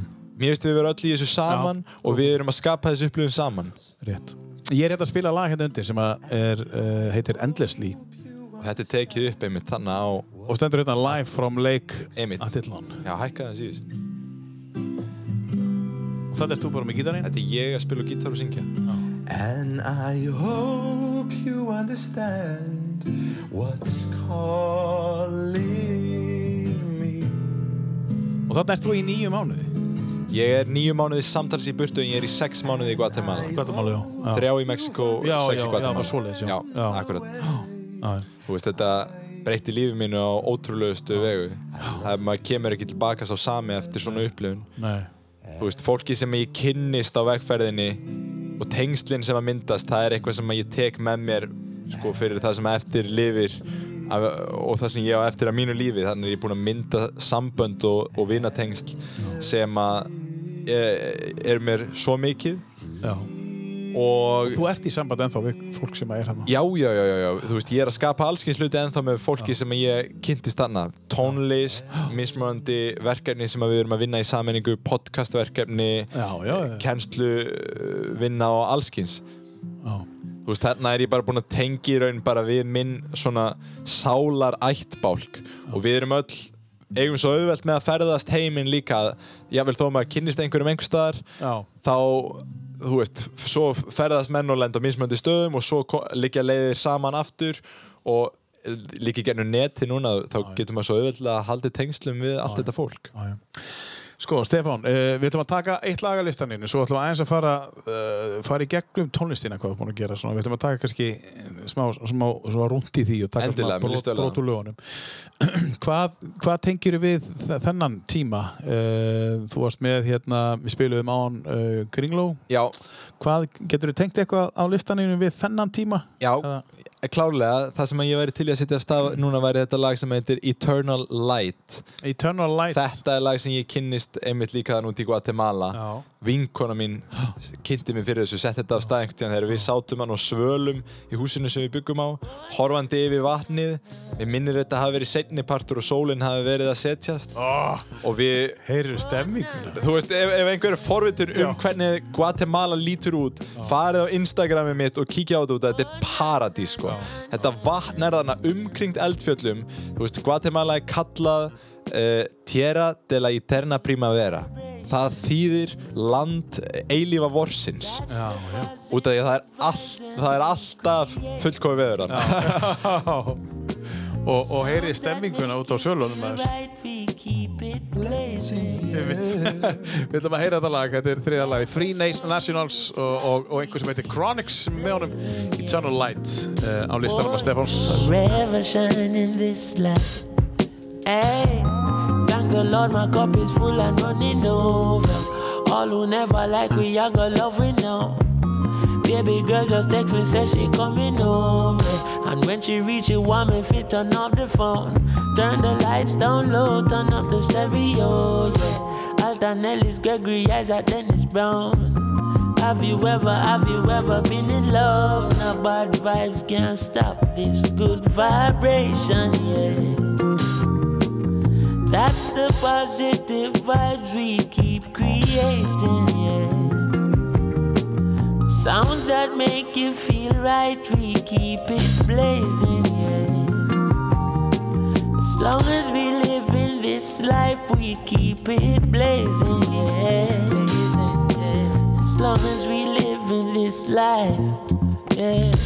Ain't nothing wrong with melodies that touch your soul, no. They're acting like the people don't need it no more. Still, when she hear that good music, she hold me closer. She groovy now, I know she feeling it for sure. She moved to me and rest her head up on my shoulder. Soothingly, she tell me if it turn up the sound. Have you ever, have you ever been in love? Now bad vibes can't stop this good vibration, yeah. Oh yeah, yeah, yeah. That's the positive vibes and we creating, yeah. Sounds that make you feel right, we keep it blazing. Þetta er ótrúlega, ótrúlega smooth og gott svo nice vibe Þú veist, þetta er bara svona þegar maður hallar sig bara aftur og bak og það er engar áhyggjur bara Ekkert stress. chilla. Já, þetta er mjög flott uh, og ætti kannski, maður ætti kannski að skoða meira þennan Free Nationals uh, Ég mæla ótrúlega með þessu bandi, þetta er, Skotja. þetta er hljómsveit. Þetta er hljómsveit, já. Ef að þú hefur eitthvað séð hana á YouTube hérna, hvað heitir þetta? Tiny Desk Concert, hefur þú séð eitthvað af þessu? nei Allar, þeir eru með mjög nice live performance á YouTube líka Já. en þessi plata sem þetta lag er á þetta er sér hljómsveit en þeir fá alltaf bara mismöndi söngvara á lögin með sér Já, ég skil Þannig að platan er með allskins mismöndi Já, söngvara skemmtilegt. Það er ótrúlega skemmtilegt koncept Já, skemmtilegt En uh, uh, förum aðeins í, í, í Stefán Eli uh, artistan og tónlistamannin og, Stefán Eli Hvernig líst þér á það? Eli. Mjög vel. Ef ég myndi, ef við myndum bara opna þinn hérna prófíl hérna og þá eru hérna með fimm lög sem eru þá að fá mesta spilun hjá þeir eitt er komin upp í 1,2 miljónir og svo 490.000 þú, ert með- þú ert með mjög góða með mikla hlustun Þakkláttur fyrir það Já, þakkláttu fyrir það. Hvað, hva, hva, þú veist, ef við myndum bara byrja á, á, á þessu hérna hérna, When Angels Cry, sem Mhm. er með mestu hlustunina, hvað, hvenær, hvenær gerir þetta? Já, skemmtilegt líka að þetta lag er e, sungið af bæði mér og Ívani Mendes sem við vorum að tala um áðan Já, og þetta er tekið upp bara hér á Akureyri, eða? Tekið upp bara hér Já, þetta er ekki úti, þetta er Nei. tekið upp hér. Þetta kemur út, hvað, já, 2018-19 stendur hérna. Platan kemur út 2019 Mögulega kom þetta út Já. Já, 2019 að single Já. líka, já Já, já, Já, þannig að við erum að tala um að það eru þrjú ár cirka síðan þetta kemur út Þetta, já, er lag sem ég, ég var svo heppin að þetta lendi á spilunarlista á Spotify einhverjum sænskum og eitthvað alls ekki svona að það Já, fekk ótrúlega mikla spilun en þetta fá einhverju sérstakar staði sem eru að spila mest af þessu leið. Ég held að það hafi verið Svíþjóð aðalega sem Já. hafi verið að spila þetta mest en líka Bandaríkin, eiginlega, já, út um allan heim en Já. Svíþjóð stóð upp úr Þetta er lag, já, sem að klárlega ennþá ég tengi ótrúlega mikið við þó svo þetta sé ekki eitthvað sem ég segi fyrir mér ég myndi skapa svona lag aftur núna Mm. eh, En já, ég man við spiluðum þetta líka í jarða fyrir ég og Ívan hjá vinkonu okkar sem að dó sko, ég er að reyna að setja þetta núna í tíma samhengi hvort það hafi verið áður en lagi kom út eða eftir Já. en allavega á þessu tímabili þegar við erum að búa þetta lag til þannig að það er alveg hlaðið miklum tilfinningum Já, einmitt, einmitt. og þetta er lag sem að svo margir já, hafa tengt við út að þetta er svona þessi pínu elektroakustik Já. stemming, þetta er akustískur gítar og söngur og píano og svoleiðis Mhm. en svo er ég að lauma inn þannig allskins effektum, litlum hljóðum, Já, ég svona Já. Rétt hérna Ég leik mér oft mikið að þessu að svona blanda saman þessari organísku, náttúrulegu stemmingu og einhverju meira svona elektrónísku eða já, skapandi dildin uh, uh, hjá tónlistaskólanum uh, skapandi. Það þýr þú mátt bara þeir eru reyna að kynast þér. Hvað vilt þú vera, hver vilt þú vera, hvernig getur við náð? Akkurat, maður hefur mjög mikið frelsi, þú veist. ég, Frelsi, mæ, ég mæli með þessu fyrir alla sem að búa inn á Akureyri, sérstaklega krakka sem að er að fara í mentaskólan og núna er hægt að fara á tónlistabraut í mentaskólanum sem að eh, þá getur verið að fá einingar úr tónlistaskólanum Mhm. fyrir mentaskólagönguna og já, skapandi deildin þá getur þú pínum móta þitt nám að þínum löngunum og hvað þú vilt skapa þú, Já, já. þú er einn býr til verkefni Já. sem að þú ert að ákveða á þessu ári ætla ég að gera þetta verkefni Mhm. ég var ofta að gera einhverja plötur í samstarfi nei, hérna, plötur og líka tónleika og eitthvað svona með Mhm. ég var líka með söpnun á tíanbili sem var hluta af verkefninu mínu sapnaði peningi gennum Karolína Fund fyrir plötu og tónleikum já, já, já. En þú veist, sumir er að gera allt öðru í þessi Já, verkefni það, Þetta er í raun og opið bara hvað hugmynd sem þú færð Já. Þá gerur þetta verkefni En þú hefur svo þannig kennslu Bæði hóptíma og enga tíma í tónlistaskólanum. Til þess að vinna þessu verkefni. Og þú veist, ef þið langar að vera að læra söng Eða læra gítar, læra lagasmíð Þá er þe- þetta allt í bóði þú getur bara valið að mjög stóru leiti Hvað þú vilt Já. hafa inn í þínu námi það er bara frábært. Þetta er ótrúlega magna, ég mæli með þessu. Pappi er einmitt uh, fagstjóri þannig á, eða allir þessi deildastjóri eða eitthvað, eitthvað svoleiðis. Hann er allavega yfir þessari skapandi deild. Já, já, já, æðislegt. Hér heyrum við lag sem heitir Nicer Car. Já. þetta er komið fleiri hundruð þúsund hlustanir og er þetta líka bara sa- sömu plötu og, og, og Saman gert plata, þessu? saman plata. þú og Ívan saman eða þú? Nei, þetta er bara ég, Ívan var bara á þessu eina lagi þannig áður Þetta er svo fyndið lag og þetta, þú veist, þetta er Nicer Car. Þetta fjallar einfallega um sko stelpu sem ég var að hitta á tímanbilið hana sem að ákvaða svo að vera freka með öðrum stráki við mér og hann átti ekki ekki töff bíl. Bara stereotýpa Ísland. En, en hérna artworkið á plötunum um, þetta er nú svolítið litrík og já. Ert þú að sjá um þetta þetta? Stóran hluta af þessu er ég að gera sjálfur. Artworkið á þessari plötu sem við erum að hlusta á núna er Já. reyndar uh, málað af sænskri vinkonu. Já, já, hún gerir þetta verk, sko, hún var að hlusta á lag sem ég hefði gefið út Mm. sem heitir Pink Smoke og bjóð til þetta málverk af þessum bleiku fjöllum og á sem er ég er með þetta málverk heima á mér, hún sendi mér þetta í posti en flest af þessu hef ég skapað sjálfur Já. en svo er eitt hann eftir mömmu líka á þessari plötu, hann, þessi. Þessi eða einmitt, já, já, þetta er plata sem heitir I'm Lost, Please Return If Found. Já, já. mynd af svona konu með bleikt hár. Mamma málaði þessa mynd. Já, já, já, æðislegt. Þannig að hún er alltaf líka að mála en þú ert að mála sjálfur og, ég er að mála sjálfur. Og, og hvað hva, hvernig er staðan á því? Ertu eitthvað Ég komið mjög djúpt í það núna, það sem við erum að horfa núna er einhver gömul cover. Þetta er ekki neitt í Nei. þetta er ekkert með við það sem ég er að mála núna. Nei, nei. Ef fólk vil sjá það sem ég er að mála núna ég er með þetta allt til sölu. Já. ef, ég, ef þið sjáu einhvern tíma málverk frá mér einhver staðar á netinu þá vitið það er til sölu. Já, já, Þa, það er, fólk stundum er eitthvað híkandi að vita, þú veist, er, eru listamenn með þetta í bóði þetta er allt í bóði hvað er þetta? Inn á, inn á Instagraminu? Þú finnir þetta inn á Instagraminu mínu eða Facebookinu, bara Stefán Eli. Svo ég er núna með verkefni sem ég er að vinna í sem að er sem sagt, málverk af pandabirni. Og þetta verk er ég að selja á miljón krónur. Já, miljón íslenskar krónur 222.222 þeirra króna munu ganga beint til þess að kaupa tónlistabúnað uh, hljóðfæri og listabúnað fyrir börn í Guatemala. Já. Ég sem sagt er í samstarfi við vinið mína sem eru báðir eh, líka sagt listamenn og þeir eru með verkefni í Guatemala þar sem að þeir, já, málamálverk, selja þau og svo rennur hluti ágóðans til þess að styðja við fólkið þannig í Guatemala. Já, Þeir hafa, keift skó fyrir börnin, þeir keiftu nýlega eldavélar fyrir fjölskyldur, Já. þeir byggðu hús þannig fyrir á árinu Já. fyrir fjölskyldu Já, og já, ég með þetta verkefni núna, pandan er enn í vinslu en ég er að setja þetta út núna strax ef einhver tengi við hana ég er ofta að setja hana á veraldavefinu ef fólk er að fylgja mér á Instagram þá er ég að setja ferlið þar og ásetningurinn bak við þessa pöndu já, það var næsta spurninga mér. Einmitt, pandan er í raun holdgerfingur skilirislaus kærleiks og brúar bilið á þessari mynd, þú veist, ég vildi að við erum náttúrulega í podcast, ég vildi ég geti verið með hana til að sína fólki, Já. neðri hlutin af myndin, þetta er stórt þetta er nokkuð stórt málverk, neðri hlutin er náttúran, hún situr í, umkring bambus við á það eru fjöll í bakgrunnin, já. fyrildi sem flýgur svo er efri hlutin það er sko ótrúlega litríkur spírall og hva, hvað ætti maður að kalla þetta? Þetta er heilög formfræði.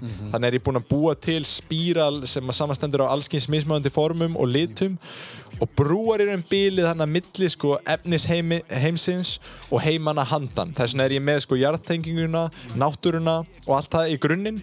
Og svo pandan er sem sagt, hún situr þarna með kærleiksríkt bros en hún er með þriðja augað galopið. Já, já og út frá því opnast þessi spírall og þessi litriki uh, heimur bakvið þannig að það er hugmyndi bakvið þessa mynd það er, það er margt á segði í þessu ég, þú veist, Þegar- þegar ég þú þurfti bara að sína þetta til þess að átta þér á Þegar þú þessu setur hérna, þáttiðin inn á, inn á Instagram eða Facebook eða hvað það er, þá getur þú sett myndina með. Já. Þetta er myndin sem við erum að tala Endilega. um í þættinum. einmitt Uh, hér er komið lag sem heitir Big Blessings. Og, og hérna þetta fekk rosalega mikla aðtigli þetta kom út af því þetta var svolítið nýtt. Einmitt, bara, herru, býtu, hvað, er, er gamli hiphoparinn komin aftur? akkurat. Hvað gerist hér? Þetta er að gerast út í þetta þetta tekið upp úti já og skapaði þetta úti. Já, það var mjög fyndið út að ég pródúsera í raun taktin bara í einhverju flæði með félag mínum. Við vorum bara ég man ekki hvað við vorum að gera en einhverju hlutu vegna fer ég af stað bara að setja eitthvað saman og býtla þennan takt. Og við, sagt, ég er mjög mikið í freestyle rappi. Ég er sérst að freestyla mjög mikið. Hva, hvað er það fyrir þá sem ekki kannski vita hvað það er? freestyle rap er í raun bara uh, spuni. Þetta er í raun bara spuni þar sem að þú ert að uh, hvað skal maður segja? Þú ert eiginlega að kveða á. Já. þetta er bara eins og gamla íslenska kveða, kveða á nema þú ert að rappa og rýma uh, án þess að vita hvað þú ert að fara að segja. Já. og þegar maður æfis í þessu þá getur maður að fara detta inn á mögnuðustu flæði vegna þess að sko þetta elur í manni traust og þú veist einfallega ekki hvað er að fara að koma en þú treystir því að það muni koma eitthvað úr þér sem er gott. Þetta tengir þig líka beint við núið og þú getur ekki verið neinstæðar annar staðar en hér og nú þegar þú ert að frístæla Og það sem kemur úr þér er í rauninni bara sáliðin. einmitt, það er bara nákvæmlega meðutundar stíði sem þú ert á á, á þessum einmitt, einmitt. speglast út í því sem að þú tjáir þig. E, textin í þessu lagi kemur flestur úr svona frístæli Já. Ég frístælaði bara helling og svo bara skrifa ég að tek það upp og púslaði svo saman sko. Þetta lag heitir Big Blessings, uh, þetta lag, uh, og, og, og, og, titillin. Um, eitthvað sem þú vilt segja okkur uh, af hverju það kom til mig, Big Blessings? Já, sko ástæðan af hverju ég kallaði þetta lag Big Blessings og, og sem textan sem að er í þessu lagi er einfallega svo að fyrir mér hef ég sko, ég hef áttað mig á því að við höfum vald til þess að ákveða samhengið sem að við lítum á aðstæðunar og upplifanir í lífinu okkar í gegnum. Þýðandi það að engin upplifun er sko slæm eða góð nema bara eftir samhenginu sem þú ert að líta á hana í gegnum. Fyrir einhvern þá væri ákveðin upplifun slæm og annar maður getur upplifað nákvæmlega saman hlutin og litið á það sem blessun það sem ég hef átt að með á að þjónar mér best í mínu lífi er að reyna að finna alltaf samhengi fyrir allar upplifanir í mínu lífi þar sem ég get séð upplifunina sem blessun. Hvernig get ég séð jafnvel erfiðustu hlutina jafnvel sko mestu sorgina, mesta sársökan hvernig get ég fundið samhengi sem að þetta er blessun? Þá kemur í ljós að þegar þú ferð að halda þessu samhengi að þá ferð að laða að þér blessanir á eftir blessunum og eftir blessunum og eftir blessunum. Og þú tekur eftir því að jafnvel sko þegar það kemur mótspyrna og erfiði í lífinu þá er það líka blessun vegna þess að það er tækifæri til þess að vaksa og stækka inn í já, sitt sanna sjálf. Og þetta okkar sanna sjálf er ótakmarkað. Og já, fyrir mér þá reyni ég alltaf að sjá jákvæðu og góðu hlutin, hliðina á hlutum. Ég skal bara taka smá dæmisögu til þess að tengja þetta. Þetta er dæmisaga af kínverskum uh, bónda. Og hann býr sem sagt á bóndabíli út í buska bara með síni sínum 18 ára síni sínum. Og það er bara einn bóndabæir í grendina við hennan bóndabæir þannig að þetta eru tveir bæir hann í Kína bara og ekkert annað í kring einn daginn þá er sagt sonur bóndans úti að sinna hestinum þeirra, þeir eiga einn ein hest sem er í gyrðingu og hann er að þrýfa hann og gefa hann að borða þeir sinna honum. Og tekst að gleyma því að loka hliðinu þegar hann kjöf með hann aftur inn í búrið eða inn í gyrðinguna svo hesturinn flýr. Nágrannanir koma síður um daginn og sjá að hesturinn er horfin og þau segja við bóndan æjæjæjæjæ, þetta er alveg glatað, þú lítur að vera miðin, þetta er ömulegt og bóndin hann bara svona glottir eiginlega pínu og hann segir, já, kannski. Næsta dag eru þau að líti fjaskana þá allt í einu sjá því að það er reikski að myndast og þannig eru tíu hestar að hlaupi áttina bóndabænum. Einn þeirra verandi hesturinn sem þeir áttu og hann er með nýju aðra í för með sér. e, bara eiginlega eins og kraftaverk þá koma allir þessir hestar inn í gyrninguna og þeir ná bara að loka gyrninguna og eru núna komið nýju nýja hesta. Og nágrannir kom í heimsókn seinna um daginn og þeir sjá þetta og þeir segja þetta er frábært, þetta er kraftaverk. Já. þetta er indislegt, hann segir já kannski, kannski, já, næsta dag þá er sonurinn að sinna þessum nýju hestum og hann er að þrýfa klauvarnar á þeim og hann er að eh, hérna, greiða þeim og allt þetta og hann lendir í það eina af þessum nýju hestur hann, hann sparkar bah, beint í uh, hérna, armin á honum og möl brýtur á honum hendina. Og ef þú getur ímyndað þér að þetta koma nákvæmlega í heimsókn þannig að segja um daginn og þau sjá þetta og þau segja þetta er alveg svaklegt, þetta er ömurlegt. Og enn og aftur segir bóndin kannski. Næsta dag er bankað upp á dyrnar. Þannig er kínverski herin mættur. Og það sem þeir segja er að við erum komin að sækja svoðinn herskilda, allir átjónar og eldri er að í herin sonurinn kemur hann að sko allur særður og mölbrotin og þeir sjá ástandið á hann og þeir segja nei, þú getur ekki komið með okkur í þessu ástandi. Og svo þeir fara í burtu og sonurinn fer ekki. Nágrannir koma að segja þetta er magna bóndi segi kannski. Sinn heldur aftur áfram og áfram og áfram og áfram. Það sem að þessi saga er að kenna okkur er að það sem að gæti litið eins og böl, litið út eins og bölvun á einu augnabliki gæti byrst þér sem blessun í því næsta. Og öfugt þú veist aldrei hvað tíminn leiðir í ljós en það sem að þú hefur valum er hvort samhengi þú ákveður að setja hlutin í. Svo ég hef tekið þá ákveðun að setja hlutin alltaf í samhengi en að sjá hvernig getur þetta verið blessun fyrir mig. Jafnvel þegar að maður brýtur á sér hendina jafnvel þegar að hesturinn flýr hvernig getur þetta verið blessun Þetta er frábær saga og e- einhvern, ég hef aldrei heitt þess aður en ég, maður heitt fleiri svona sögur en þessi er alveg meiri hóttar og, og óbúst það skemmtilega gaman að fá að deila henni. Já, en hérna, svona áður við förum í næsta lag áttu þér uppáhalslag eftir Stefán Eli?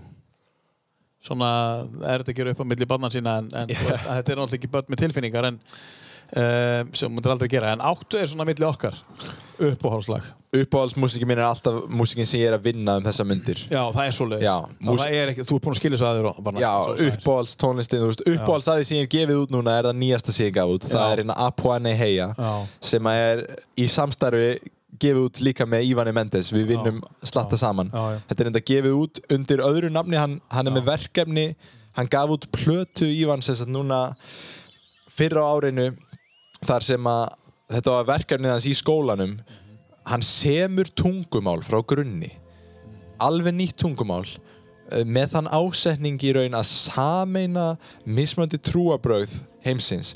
Ha- Hann er að taka hana fyrir kristni, hann er að taka fyrir hinduisma, hann er að taka fyrir uh, söður-ameríska uh, svona medicine music og, og, og hefðir þaðan og K.O.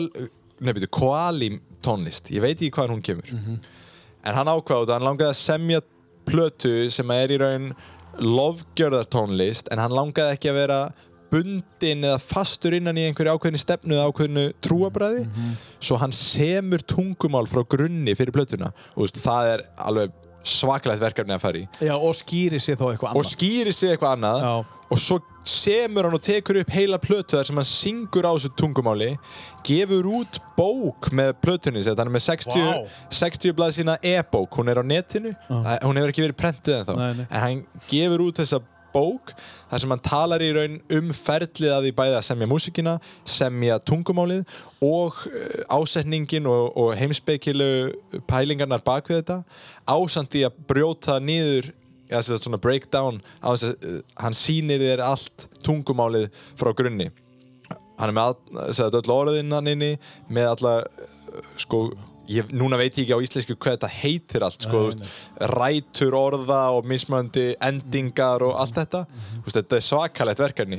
En allavega þetta lag sem við erum að spila núna er endurútgáfa af lagi sem hann gaf út á þessari plötu þar sem að ég fekk hljóðskrána frá honum og bjóð til algjörlega nýtt lag og nýja umgjörð út frá því Já. Og þetta er ný, ný tilkomið út. kom bara út fyrir vik Já, já. já. Og heitir Apone Heia. Já, Já. Og þetta er uppáhaldslægið í dag. Þetta er að uppá- Þetta er nýjasta lægið. Já, þetta er uppáhalds. Það er rosalega gott. En hvað eigum við að taka af listaninu næst?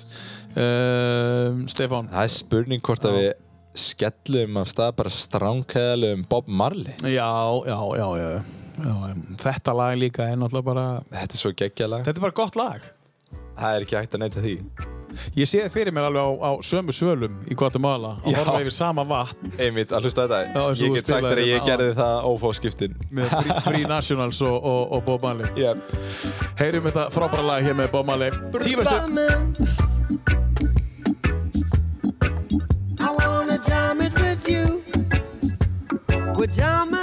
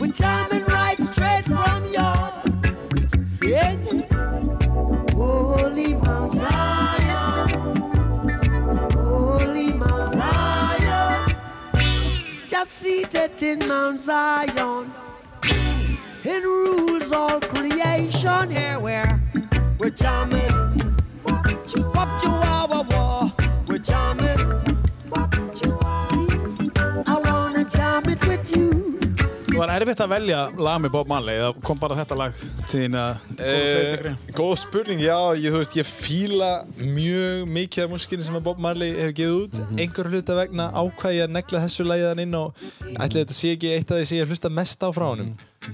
Við þetta líka gott um. af þessari plötu. Já, þetta er allt svo gott. Ég er oft bara með hann að Best of Bob Marley playlistan. Já. Þetta er að plötuna Exodus. Uh, við erum að tala um 1977 Þetta er svona sumar. Einmitt, Eh, það er stemmingi sem maður fær, er það Já, ekki? já, sko, en Stefán, ert þú svona mút tónlistamæður, þannig að þegar það er eh, myrkur janúarmánuður, þegar sumar er að koma, færist þú á milli svona með uh, tónlistastefnum, að hlust, að hlusta á eða? Algjörlega, þú veist, ég sé alveg hvernig einmitt umhverfið hefur áhrif á mig og einmitt er m- myrkur vetur og svoleiðist þá er ég að hlusta á eitthvað ákveðið og mm í sumarið eitthvað annað en að samanskapi er ég líka mjög meðvitaður bara í að skapa þá stemmingu sem ég vil. Svo ef að það er vetur en mér langar að upplifa sumarstemminguna þá er ég bara negla Bob Marley í gang, já. út af því að já, ég einhvern veginn ég vil ekki vera fórnarlamb veður sinns þannig að ég sé bara að hlusta á þetta út að það er svona veður eða eitthvað ég er meiri í því ég er meiri í því bara að reyna að skapa þá upplifun sem ég vil á, á hverju genið til henni þannig að mér líður eins og mín ángi að vera í sumarstemmingu Já. sama þó að þessi skítkallt úti Já. þá er ég Já. að negla þess af stað sko. En hvað finnst þér gaman að gera? svo margt maður Segðu, segðu okkur. sko það sem að mér finnst skemmtilegast að gera er að skapa. Já. ég geri það með því að skapa tónlist með því að mála með því að skrifa ljóð, með því að dansa. Mér finnst indislegt að tengja við aðrar manneskjur. Mér finnst ótrúlega gaman að geta deilt því sem ég er að skapa með öðrum eða skapa í sammenningu með öðrum manneskjum. Mér finnst gaman að reyfa mig að vera út í náttúrunni. Fer mjög mikið út. Ég stunda já, líkanlega reyfingu og öndunaræfingar og hugleiðslu allskins mismöndi hluti til þess að halda líkamunum heilbröðum og halda huganum heilbröðum, halda mér jarðtengdum og í jafnvægi. Og já, þú veist, ég hef gaman að þessu öllu, sko, ég reyni bara að hafa, sko, ég, ég reyni að taka enga þessu of alvarlega og ég reyni að hafa gaman að þessu öllu. Jafnvel þegar maður er að stríða eða þegar maður þarf að vera að sinna því sem maður er kannski já, ekki endilega eins ákjósalegt að vera að gera bara eins og stundum í lífinu þarf maður að gera einhverju hluti sem maður ekki efst á listaður það sem að mann er fyrst skemmtilegast en ég hef einhvern veginn reynd að vefa þráð lífsminns á þann veg að þetta er bara eitt skemmtilegt augnablík yfir í næsta sko. En þú ert að lýsa í rauninni með þessu ert að lýsa því hvernig allir vilja hafa lífsitt og þú ert bara 22 ára gammal. Heldur Einmitt. þú að þú er eftir einhver tíman að hleypa einhverinn í lífið þitt sem að breytir þessu? ég er mjög meðvitaður um hverjum og hverju ég hleypi inn í lífið mitt Það er einmitt svarið við spurningunni. sko, ég held að þetta sé ekki eitthvað sem að muni breytast fyrir mig uh, vegna þess að ég held að sko, ef að ég líti bara á kjarna okkar allra þá langar okkur öllum einfallega bara að líða vel Einmitt. það er það sem okkur langar Þetta snýst alltaf um það. einmitt, það er, það sem, það er ástæðan af hverju við gerum allt Já. það er ekkert sem við gerum sem hefur ekki bakveða ásætningin að okkur langi að líða vel Rétt. jafnvel þegar við erum að gera sko skadlegustu hlutina Já. allt kemur þetta frá því að okkur langar bara til þess að líða vel okkur langar til þess að líða eins og við séum nóg, eins og við séum elskuð eins og við, lífið styðji við okkur og oft erum við mjög brenglaðar hugmyndir að því hvernig við getum komist á þennan stað að líða vel sem að setja okkur oft úr jafnvægi vegna þess að við förum yfirum í eitthvað sem að lætur okkur líða vel kannski um stundarkorn eða augnablík en svo kemur bakslægið þar sem okkur líður illa eftir það. Mjög skýrt dæmi er til dæmis áfengismenning Íslands. Og sæðileg. Þannig erum við að tala um það að fólki líður vel um kvöldið eða um nóttina þegar það er að drekka en líður svo hræðilega oft í marga daga eftir það. Þannig erum við þá að sjá eitthvað sem er í raun ekki í jafnvægi vegna þess að þegar þú ert að gera hluti sem að raunverulega láta þær líða vel þá kemur ekki þetta bakslag. Þegar þú gerir hluti í jafnvægi, til dæmis uh, heilbrigð uh, reyfing þannig að líður þér vel á meðan þú gerir það og í framhaldi þér líður betur eftir að gera þetta næringaríkur matur indislega gott að borðan og þér líður vel eftir að uh, þú ert búin að því Þú líst þér þessu öllu á hann, við. Þú ert með uppskriftina, þú ert að fylginni.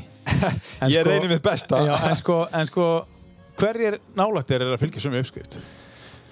sem betur fyrir mjög margir vegna þess, að- ég hef laðað að mér það fólk sem er á Já. sömum bylgjulengd og ég Já, það var tímabil þar sem að mér fannst erfitt að eiga ekki nógu marga að sem að ég gæti tengt við á þessu uh, einmitt bara að vera með þetta fyrir stafni í lífinu að, gera sitt besta í því að lifa í jafnvægi og samhljómi með lögmálum alheimsins og, og náttúrunar en svo þetta er bara lögmál lífsins það sem að þú gefur er það sem að þú færð. Svo að ef að þú ert að gefa af þér þetta þessa, þetta tíðnisvið er eitthvað sem ég reyni að, að geisla frá mér þá laðar það til minn réttu manneskunar sem eru á þessari sögum bylgjulengd. Og núna er ég svo lánsamur að, að eiga að sko mögnuðustu vini í heimi sem að eru með sín eigin fyrirtæki að kenna fólki að eh, skapa, að vera heilbreykt tengja sig við líkamann sinn tengja sig við sína eigin kynorku. Allskins mismöndu hluti sem að vini mín eru að gera sem eru magnaðir. Og já, maður sér það bara skýrar og skýrar einmitt. Þetta sem ég sagði, að það sem þú gefur frá þér er það sem þú fær tilbaka Og þess vegna á þetta líklega ekki eftir að breytast hjá þér. Það er bara þannig næst eins og þá er þetta eftir búin að svara spurningunni sem ég spurði á hann. Já, þú veist, ég, ég auðvitað get aldrei spáð Nei, fyrir um hvað mun Nei. gerast í lífi mínu Ef þú heldur áfram svona þá... já, þú veist, mér finnst á þessu tíabúti þá veit ég að ég mun halda áfram á þessari Já, vegferð já. þessi vegferð felur í sér samt sveiflur og bylgjur Já, það koma upp og það koma niður til dæmis upplýði ég mikla sko niður sveiflu þegar ég kom aftur til Íslands eftir að hafa ferðast hana Já. þá kem ég sem sagt í rétt fyrir jól í desember í fyrra Já. 2021 svo jólin og allt það, það var magnaðin svo sit ég eftir hérna í janúar og ég hugsa með mér hvað er ég að gera? Þú veist, það er myrkur, það er kalt það er ekkert af fólkinu í kringum mig sem er að gera hlutina sem að mig langar til þess að vera að gera. Og já, ég upplifi nokkuð þungan eh, nok- nokkuð þungt tímabil hana í nokkra vikur og svo svona vann ég mig upp úr því og hef svo síðan þá verið á mjög stóri uppsveiflu að vinna mig upp Já, já.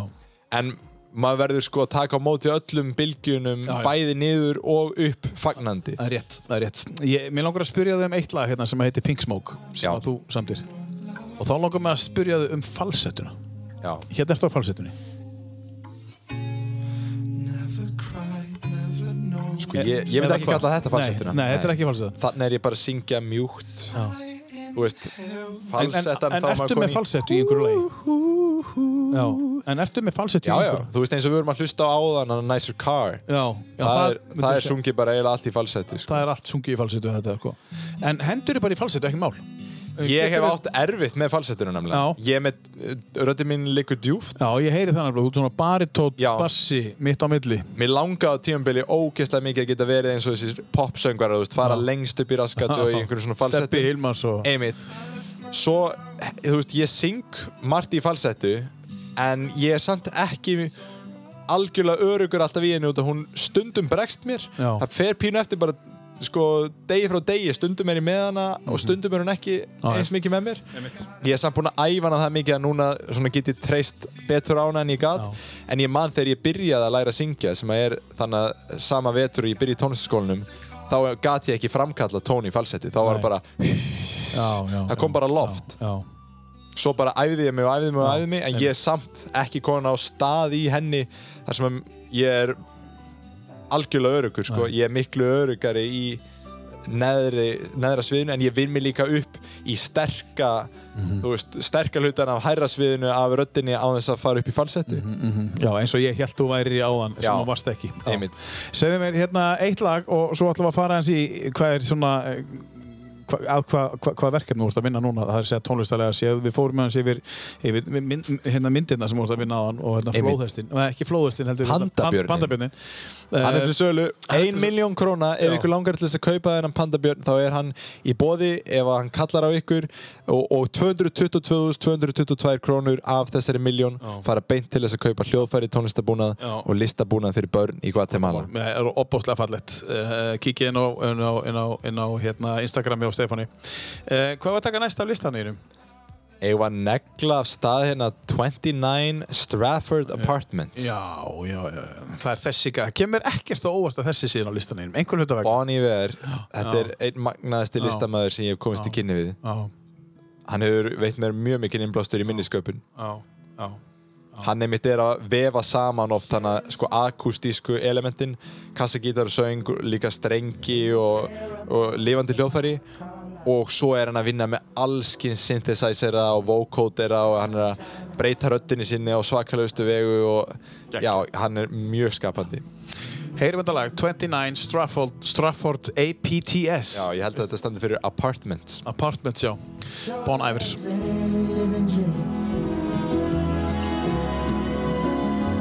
It's not all in what it seems. And the whole thing's hauled away.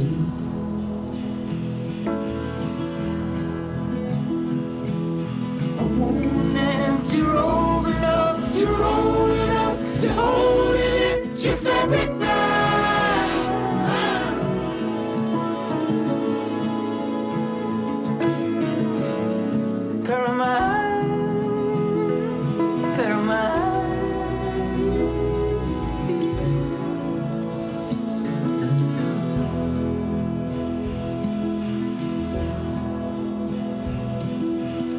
Hallucinating Claire.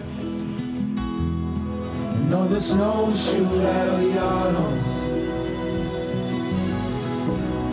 Through the cleaning out the door.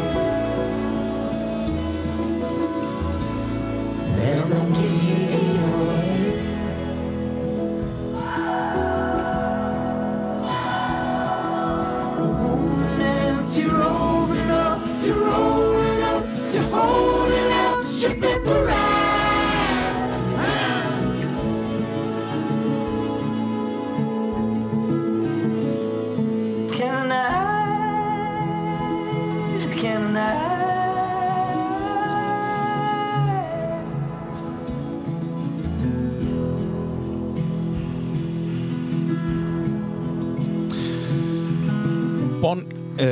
Alltaf sagt Æver en ég ætla nú að segja Íver núna af því að Já, þú ég- veist þetta betur en ég Hvort sagði ég? Vegna þess sagðir að- Íver. Bon Ég, Bon Iver. Bon Iver, Bon Iver Ég hef aldrei vitað alveg Nei, Ég er svona það einhvern skiptir veginn- ekki. Ég fer alltaf einhver stöðar á milli eitthvað í en það skiptir ekki máli en það skiptir ekki máli uh, þetta fína lag, uh, 29 Stratford Apartments uh, er á listanínum uh, hvert ferðu þú heyrir þetta?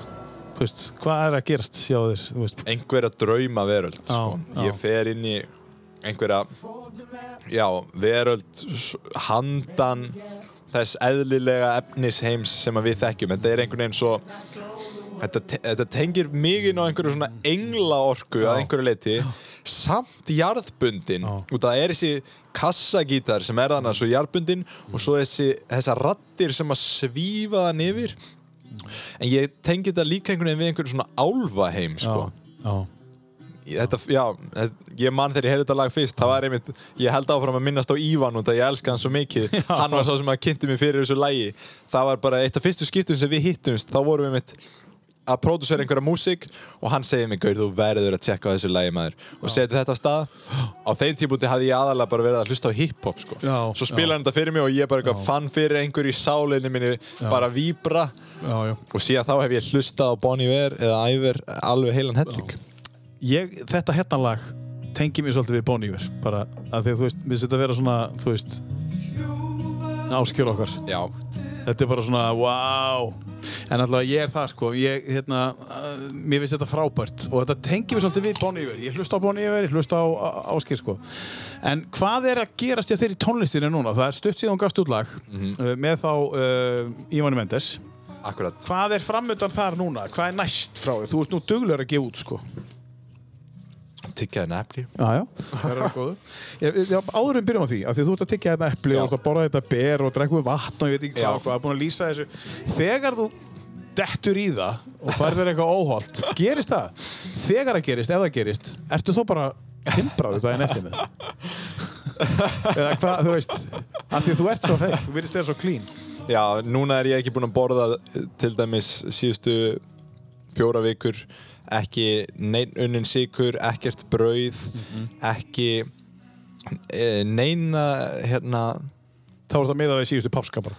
Já, ég held að það hefði myndi verið cirka Já. um páskana þar sem ég er að ég fekk mér ekki páskaegg sko. Nei, nei. ég, ég að, vanalega er ég ekki að borða nammi eða kökur eða neitt svoleiðis, lítið brauð ég reyni að borða eins mest lífrænt og ég get. Já, förum aðeins inn í þetta út að ég hef alveg upplifun að deila því sem ég, ég er búin að Já. vera á núna síðustu vikur Já. en sem sagt, þegar ég kom aftur til Íslands þá hafði ég ekki borðað kjöt í sex mánuði Þess að þegar ég var út í Guatemala þá var ég ekkert að borða kjöt eða, ég kannski að íkja aðeins, það voru kannski fjóri mánuðir eitthvað sem ég Já. borðaði ekki kjöt.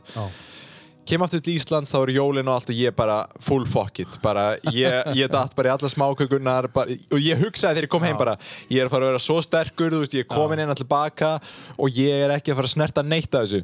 Svo bara fyrsta matabóði hjá ömmu, bara smákökunum með hendu upp og ég bara misti mig. Og hvað gerist þá? Meina, þú veist, ég, mér líður ekki vel þegar ég er að dæla þessu svona í mig og ég datt í þá, þú veist, nokkra mánuði hérna í upphafið þess árs þar sem ég var svona ekkert of mikið að, þú veist, ég var að borða heilbreykt en samt að borða Já. allt of mikið að einhverju kjæftæði. já.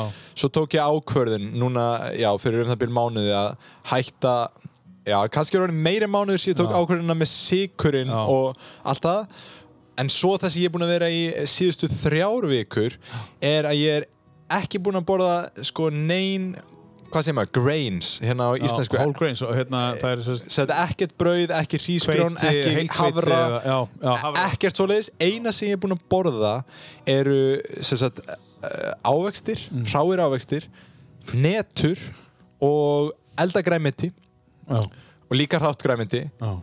og smá harðfisk. Já. Og, og smá fræjum. Þetta, þetta er ég búinn að vera á síðustu þrjár vikur ég hef aldrei upplifað annað eins. Og hvernig líður þér eftir þannig? ekkert smá vel. Hvað er það sem þú finnur? það sem ég upplifi er sko ótrúlegt magna orku sem að losnar úr læðingi við þetta. Það fer svo mikil orka vananlega að melta þessar stóru þungu máltíðir sem við erum að borða kannski fullar af brauði, fullar af kjöti. Uh, og núna segi ég það líka skýrt ég hef ekkert á mótið því að borða kjött Nei, nei, nei, nei. ég er ekki fastur í einhverju hugmyndafræði að það sé eitt rétt fyrir alla það er mismöndi á mismöndi tímapunktum í lífi fólks hvað þjónar því. Það sem er að þjóna mér núna er að borða mjög lítið sem sagt, ég er mjög mikið fyrir að fasta þannig ég er að oft ekki að borða það kannski fyrir en uh, setni part dagsins eða er það bara á vökva fyrir part. Og ég datt bara í það fyrir þrejum vikum að byrja að borða miklu miklu minna. Bara fór bara að borða hráa ávexti. Svo byrjaði orkan einhvern veginn að flæða á svo svakalega má, máta að sko það sem ég upplifi er eins og ég sé á endalösu niðurhali af mögnuðum skapandi hugmyndum og sko skrefunum sem ég þarf að taka til þess að í alvörinni raungera hugmyndinar og þetta er ástandi sem ég er í frá því að ég vakna og frá því að ég fer að sofa. Þannig ég er bara endalaust með dagbókina bara að skrifa hugmyndir, heyri fólkinu sem ég þarf að heyri, skapa það sem ég þarf að skapa og fylgja þessu öllu eftir og þetta, þegar, þegar ég var búin að vera einu og hálfa viku eða eitthvað á þessu þá var ég komin á sko svo hátt orkustig að ég var hættur að geta sofið Já.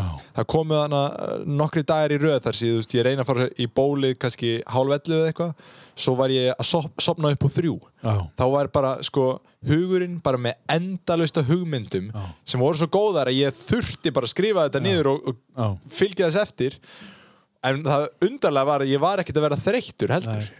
En ég fann það samt að það var eitthvað úr jafnvægi. Já. og þess vegna fór ég að borða aðeins uh, meira. Fór að elda mér súpur með rótargræmiti, sætum kartöblum uh, zucchini eða hérna kúrbít segi ég tómatum og, og avokado og allskins borða aðeins stærri máltíðir til þess að hjartengja mig. Ég þarf líka uh, að vera meðvitaður um að fylgja minni svona, hvað kalla maður þetta eiginlega að yfka mína bæði mína reyfingu, mína öndunaræfingar og mína hugleiðslu vegna þess að annars eh, fer þetta að vera pínu yfir þeirri mandi ef að maður er að upplega svona streymi af mögnuðum hugmyndum og skapandi eh, hérna í, í raun bara leiðbenningum mér líður eins og ég sé bara að fá leiðbenningar um bara þetta er það sem að þú þarft að gera sem að mun þjóna þér best í þínu lífi og öllu fólkinu í kringu þig og þess vegna er ég að gera allt það sem ég er að gera veist, ásetningurinn bak við þetta allt. Af hverju ég mér langar að gefa tilbaka til fólksins eins og þannig Guatemala. Ástæðan af hverju ég gef svona mikið af mér þú veist, ég er að deila upplýsingum og speki með fólki alltaf frítt. Bara bæði þegar eins og við erum að tala saman núna þegar ég er að setja eitthvað inn á Instagram þegar ég er að hitta fólk. Út af því að mér, la mér langar bara að þjóna sköpuninni til þess að heila þetta ójafvægi sem við erum búin að koma okkur í núna veist, við, við sem samfélagi erum mjög erfitt með að lítast í augu við það að okkar struktúr er algjörlega á kvolfi yfir það hvernig við erum að lifa hérna. Tí, það sem við hefum tímanum okkar í hvernig við sjáum um líkamann okkar hvernig við erum að sjá um hugan okkar tengslinn milli manneskna þetta er allt, þú veist, þetta er margt indislegt í því sem við erum að gera en það er ótrúlega margt af þessu sem við þurfum að endurskoða Já. og já, ég reynir bara að gera mitt besta til þess að þjóna kærleika, þjóna ást þjóna samúð og koma því í gegnum mig inn í heiminn á sem fallegastan og, og bestan hátt sem ég get Sko, Stefán, uh, uh, þú, ef, ef við spólum aðeins tilbaka þá, þú veist, með það sem þú hefur sagt þetta í dag þá svona, þinn svona erfiðasti tími í janúar, februar, þú var svona fórst aðeins niður og svo, ef við förum þangað Já. þá er ég að meina að þú átt mjög auðvelt með að koma hugsunum þínum í orð og gera það mjög vel. Takk fyrir. Um, ef við förum til janúar, februar um, og svo ertu núna á einhverju klín mataræði finnur við munin á að vera þessu mataræði eins og búin að vera núna með því að koma hugsunum þínum í orð þegar þú ert með það mikla orku og þú ert í rauninni með of mikla orku og þú hættur að fyrir að sofa en, en þegar þú varst kannski aðeins, aðeins meira myrkur. Mhm. finnur við mun á því? 100% Já, förum aðeins ofan í það og það er gott fyrir fólk að fá þetta samhengi vegna þess að margir sjá það sem ég er að gera og halda að ég sé alltaf bara á einhverju endalösu blissi skilur og að sé aldrei neina erfiði. Þú veist, ég er að segja ykkur að þessi vegferð er ógeðslega erfið. Það, þú veist, það að fara einn til dæmis út að ferðast svona eins og ég gerði þarna og treysta á alheiminn að ég muni lenda á réttum stað og að það veri séð fyrir mér og að allt muni ganga upp og veri ekki með plan og allt þetta þetta er ekki auðvelt. Maður þarf að hafa svakalegt hugrekki til þess að fara í þetta. En það sem ég lendi í þess að þegar ég kem tilbaka er það að ég átti nákvæmlega engan pening ég hafði eitt öllum peningnum mínum að ferðast og ég hafði alltaf séð fyrir mér að ég myndi einhvern veginn Nota peningin ég sá fyrir mér að ég myndi finna leið til þess að afla mér tekna úti þar sem ég erði góður og myndi ekki þurfa að koma aftur heim. Svo er annað bara, já, til að vera alveg hreinskilin þá hef ég sko og er enn að glíma við ákveðin vandamál með líka minn Já. bæði bakinu og í sko bringunni og meldingafærunum Já. Þetta er eitthvað sem ég tala ekki mjög mikið um uh, en þetta var eitthvað sem ég fór út með ásetning til þess að heila úti. Svo lendi ég í því bara þú veist, vegferðin fer með, með mig á allskyns mismöndi staði og svo er ég konan í desember og á engan pening og ég er ennþá að glíma við þessi erfiði og e- tek þá ákvörðun að fara heim vegna þess að ég var komin á veist, þessi vegferð úti var mögnuð á alla staði e, í alla staði en þannig að loka punkturinn þá var ég komin með þetta var búið að vera svo mikið og svo margt sem ég var búin að upplifa að ég þurfti bara að koma með pín í skjól og, og þægindin heima bara að komast heim og, og líða eins og ég væri örugur Já. og þá kem ég heim og þá leið mér eins og ég hefði sko algjörlega klúðrað öllu sem ég ætlaði að gera mér fannst bara eins og ég hefði verið algjört failure bara að koma aftur heim engan pening ekki búin að ná að heila það sem að mér langaði að heila í líka honum og það sem að skeiði þá í framhandi þessu var að ég uppliði bara huga minn uh, í endalausri árás á mig. Bara frá því ég vakna frá því ég var að sofa þá var hugurinn minn bara að koma með samhengi og koma með hugmyndir og mismöndi þú veist, leðir sem að var verið að setja mig upp sem eh, eitthvað sem að hefði já klúðrað öllu, væri einskis Já. virði. Já. Engin myndi nokkuð tíma styðja við það sem ég væri að gera. Ég hefði verið, já bara búin að fokka þessu öllu upp sko. Og bara sjá, þú veist, ég misti ba- bara alla trúa sjálfur mér og já, fannst ég í raun bara einskis virði þannig og það var ótrúlega magnað í raun að upplifa þetta út af því að þetta var eitthvað sem ég hefði ekki upplifað svona stert mjög lengi. Þú veist, ekki á og bara aldrei raun í lífinu hafði ég upplifað jafn stert og þannig en þetta var svona fyrsta skipti síðan ég hefði stokkið úr þessu þunga tíðnisviði sem ég var í þannig sem við vorum að tala um í mentaskólanum Já. þú veist, ég stökk úr því og þá er ég auðvitað búin að vera að fara upp og niður á mismöndi veg en aldrei búin að fara ja, djúft niður og ég upplýði þannig núna í byrjun þessa árs. Og það að treysta í gegnum það húf, það ke kendi mér svo margt. Hvað gerir þú? Hvað gerður þú til þess að komast út úr þess að svo kom bara janúar februar sko, Uh, sem að margir eiga í vandræðu með. Uh, Hvað hva, hva, hva gerir þú? Hvaða ákvörðin tekur þú? Veist, þannig að þarf ég að taka þessa ákvörðin að streytast ekki á móti. Út af strax svo ef ég fyrir að reyna að streytast á móti og óska þess að ég vildi að hlutinu væri eitthvað öðru sem þeir eru og reyna að íta frá mér því sem er að koma þá, þá er ég ekki að nýta þetta tækifæri vegna þess að þetta er öll mótspilna sem að kemur svona, ég líti á þetta eins og vind. Þetta blæsa móti þér sem er ótrúlega erfitt út að mótspinnan getur verið svo þung en það sem þetta er að gefa þér tækifæri á er að feika í burtu því sem að þjónar þér ekki lengur.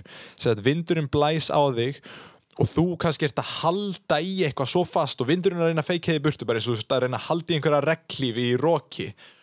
Og ef þú reyna að streytast á móti að halda og halda og halda í hana þess að hugmyndum þú veist, hvað ég átti að gera og hvað, hvað mér var ætlað að gera og af hverju það gekk ekki upp og allar þessar sögur tækifærið sem að mótspinnan sem þessi vindur gefur manni er að sleppa tökunum og feika í burtu af þér því sem að hefur verið að þingja þig svo þú getur komið út úr mótspinnunni, upp úr læðinni léttari en þú varst áður en þú fórst inn í hana.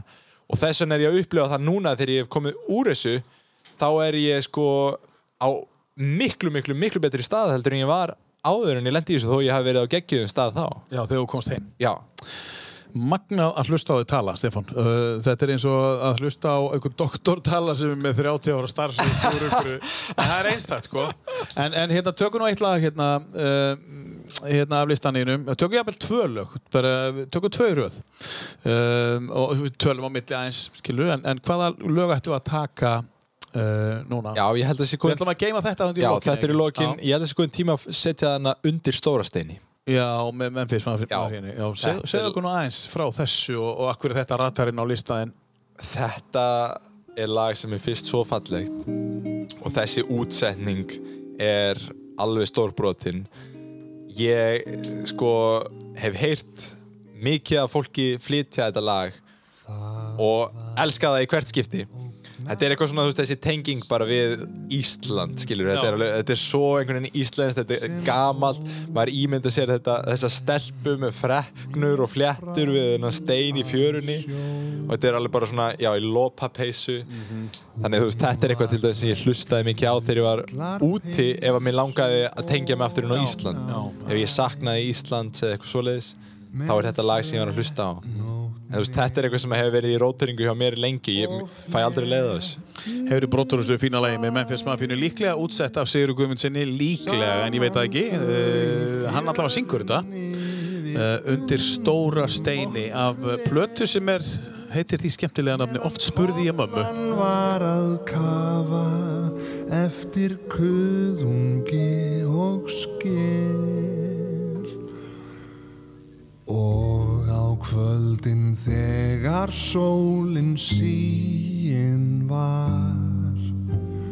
Sátum við í næði bæði undir stóra steini Þar sem hún í leini lagði vanga sinn. Ósköp feimin upp við vanga minn Síðan hef ég konur séð í Kairó á Mandalay í Mexíkó.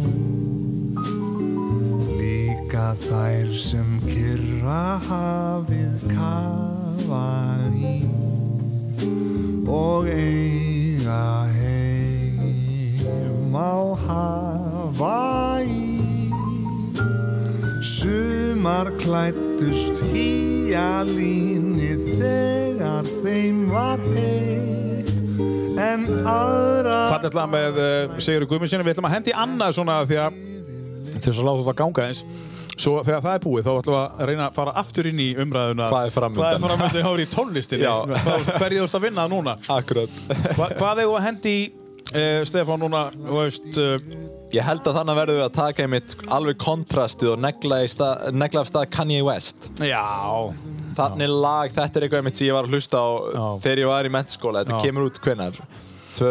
Stendur þann? 2018 kannski eða eitthvað Father stretch my hands Sko, fólk 2016 Já, sagðirðu? 2016 alveg, já fólk þetta hefur mismöndi skoðanir á þessum listamanni Kanye West og ég, þú veist, margt sem hann gerir sem ég elska og margt sem hann gerir sem ég er ekkert endilega hlindur en það sem ég virði svo mikið við hann er hann einfallega hann er ekki að byggjast fyrirgerningar að því að vera nákvæmlega sá sem hann er og hann gerir nákvæmlega það sem hann langar. Hann segir það sem hann vil, hann skapar það sem hann vil og það eru mögnustu hluti sem verða til þá. Og þegar einhverju farin að hafa skoðun á þér, þá ertu búin að langt. einmitt, góður Það punkt er bara þannig. svo textin í þessu lagi, og setja þetta að stað textin er magnaður sem kemur hann í gegn. Father Stretch My Hands, þetta er Kanye West.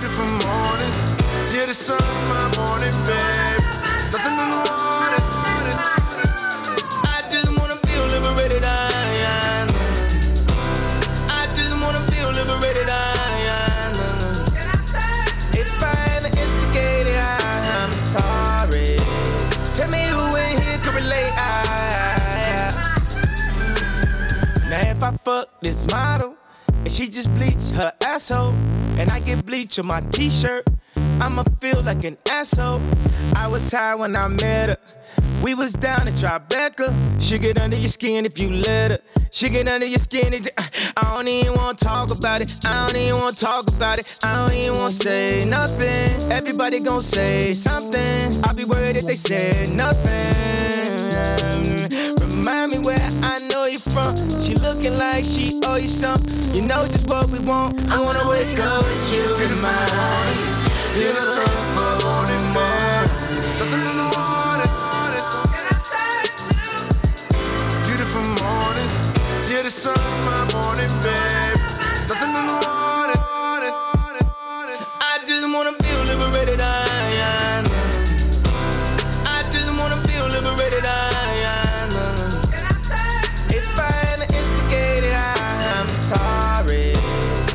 West eh, sem er búin á uh, langt alveg sama hvað fólki finnst.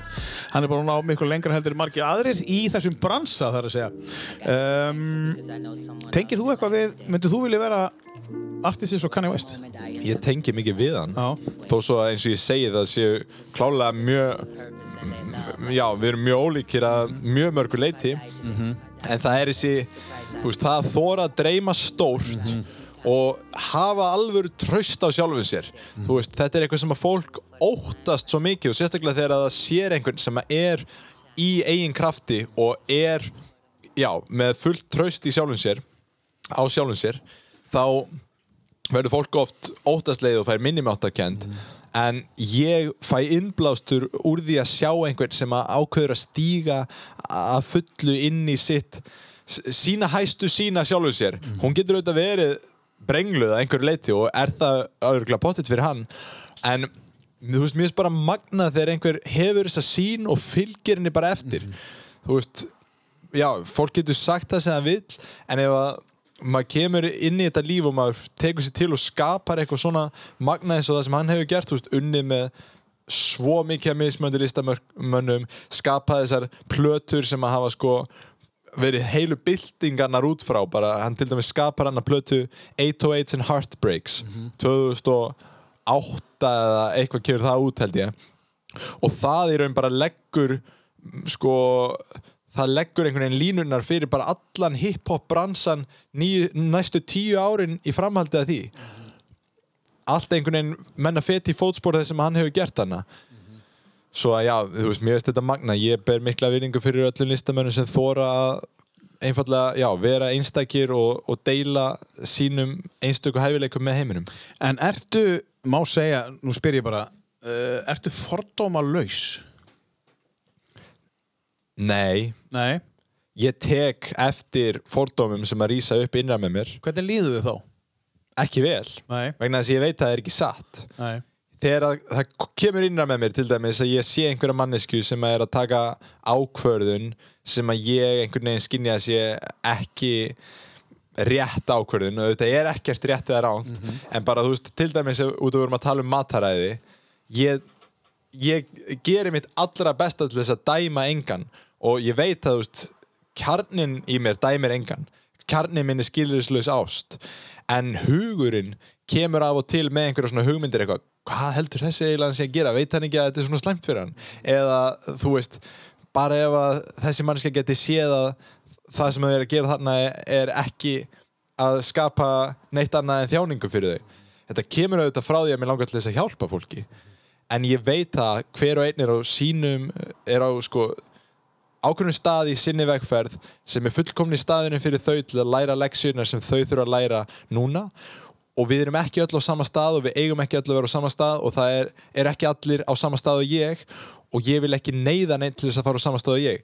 Það er svona, segi ég aldrei einum hvað hann á að gera.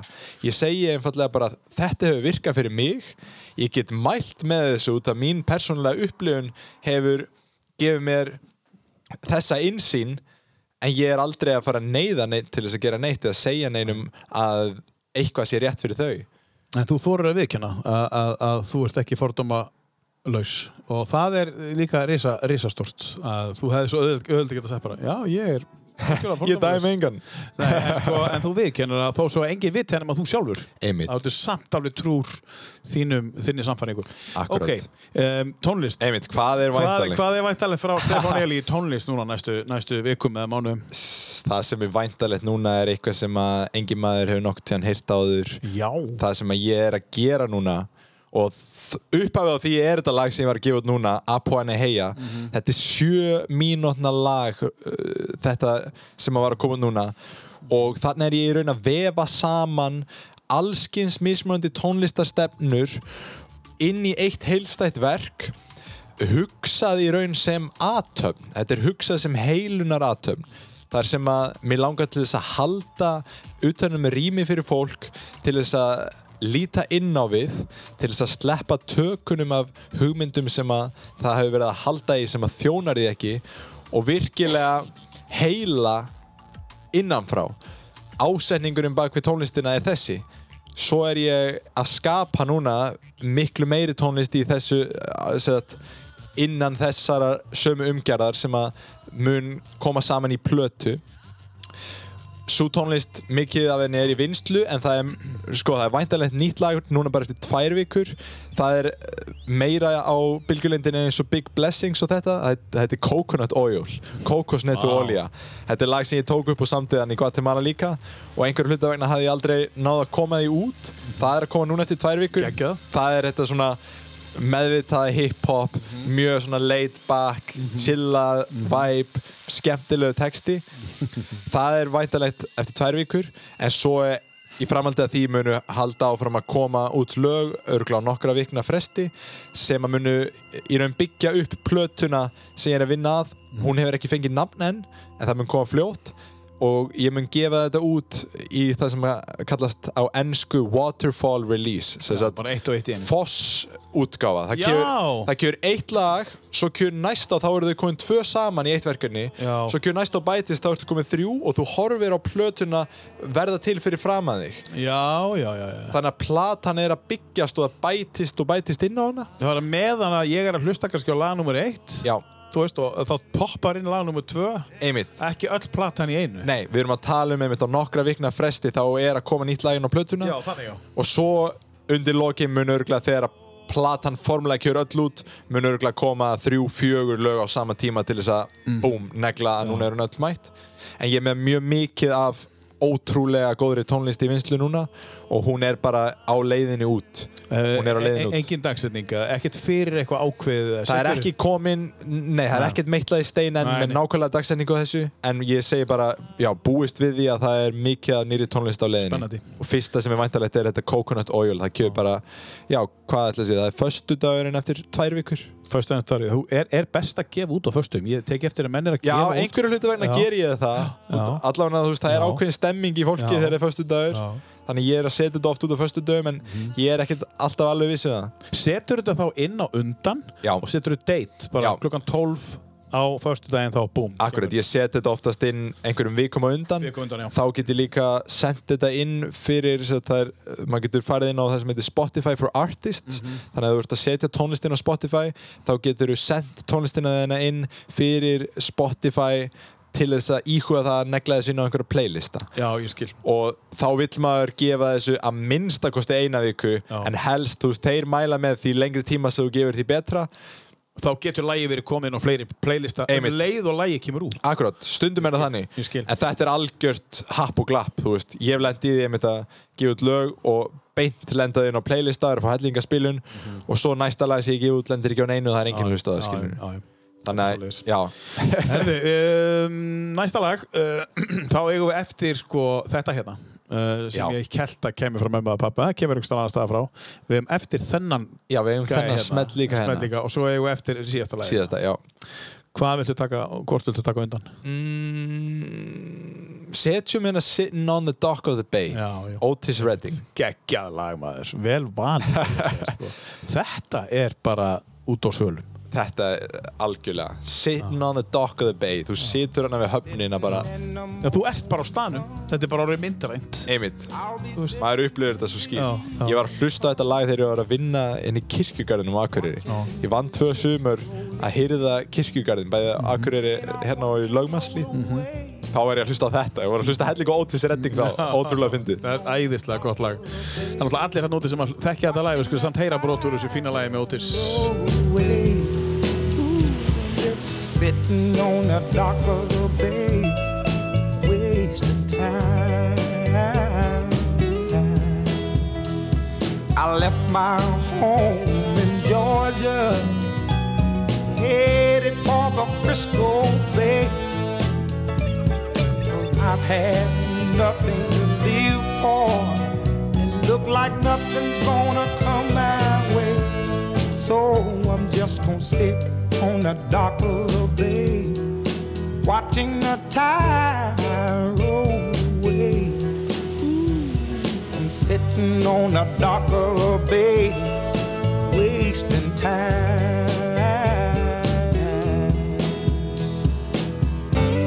Look like nothing's gonna change. Everything still remains the same. People tell me to do. So I guess I'll remain the same. Listen, sitting here resting my bones. And this loneliness won't leave me alone. Listen, 2,000 miles I roam just to make this dock my home. Now I'm just gonna sit at the dock of a bay, watching the tide roll away. Ooh, I'm sitting on a bay,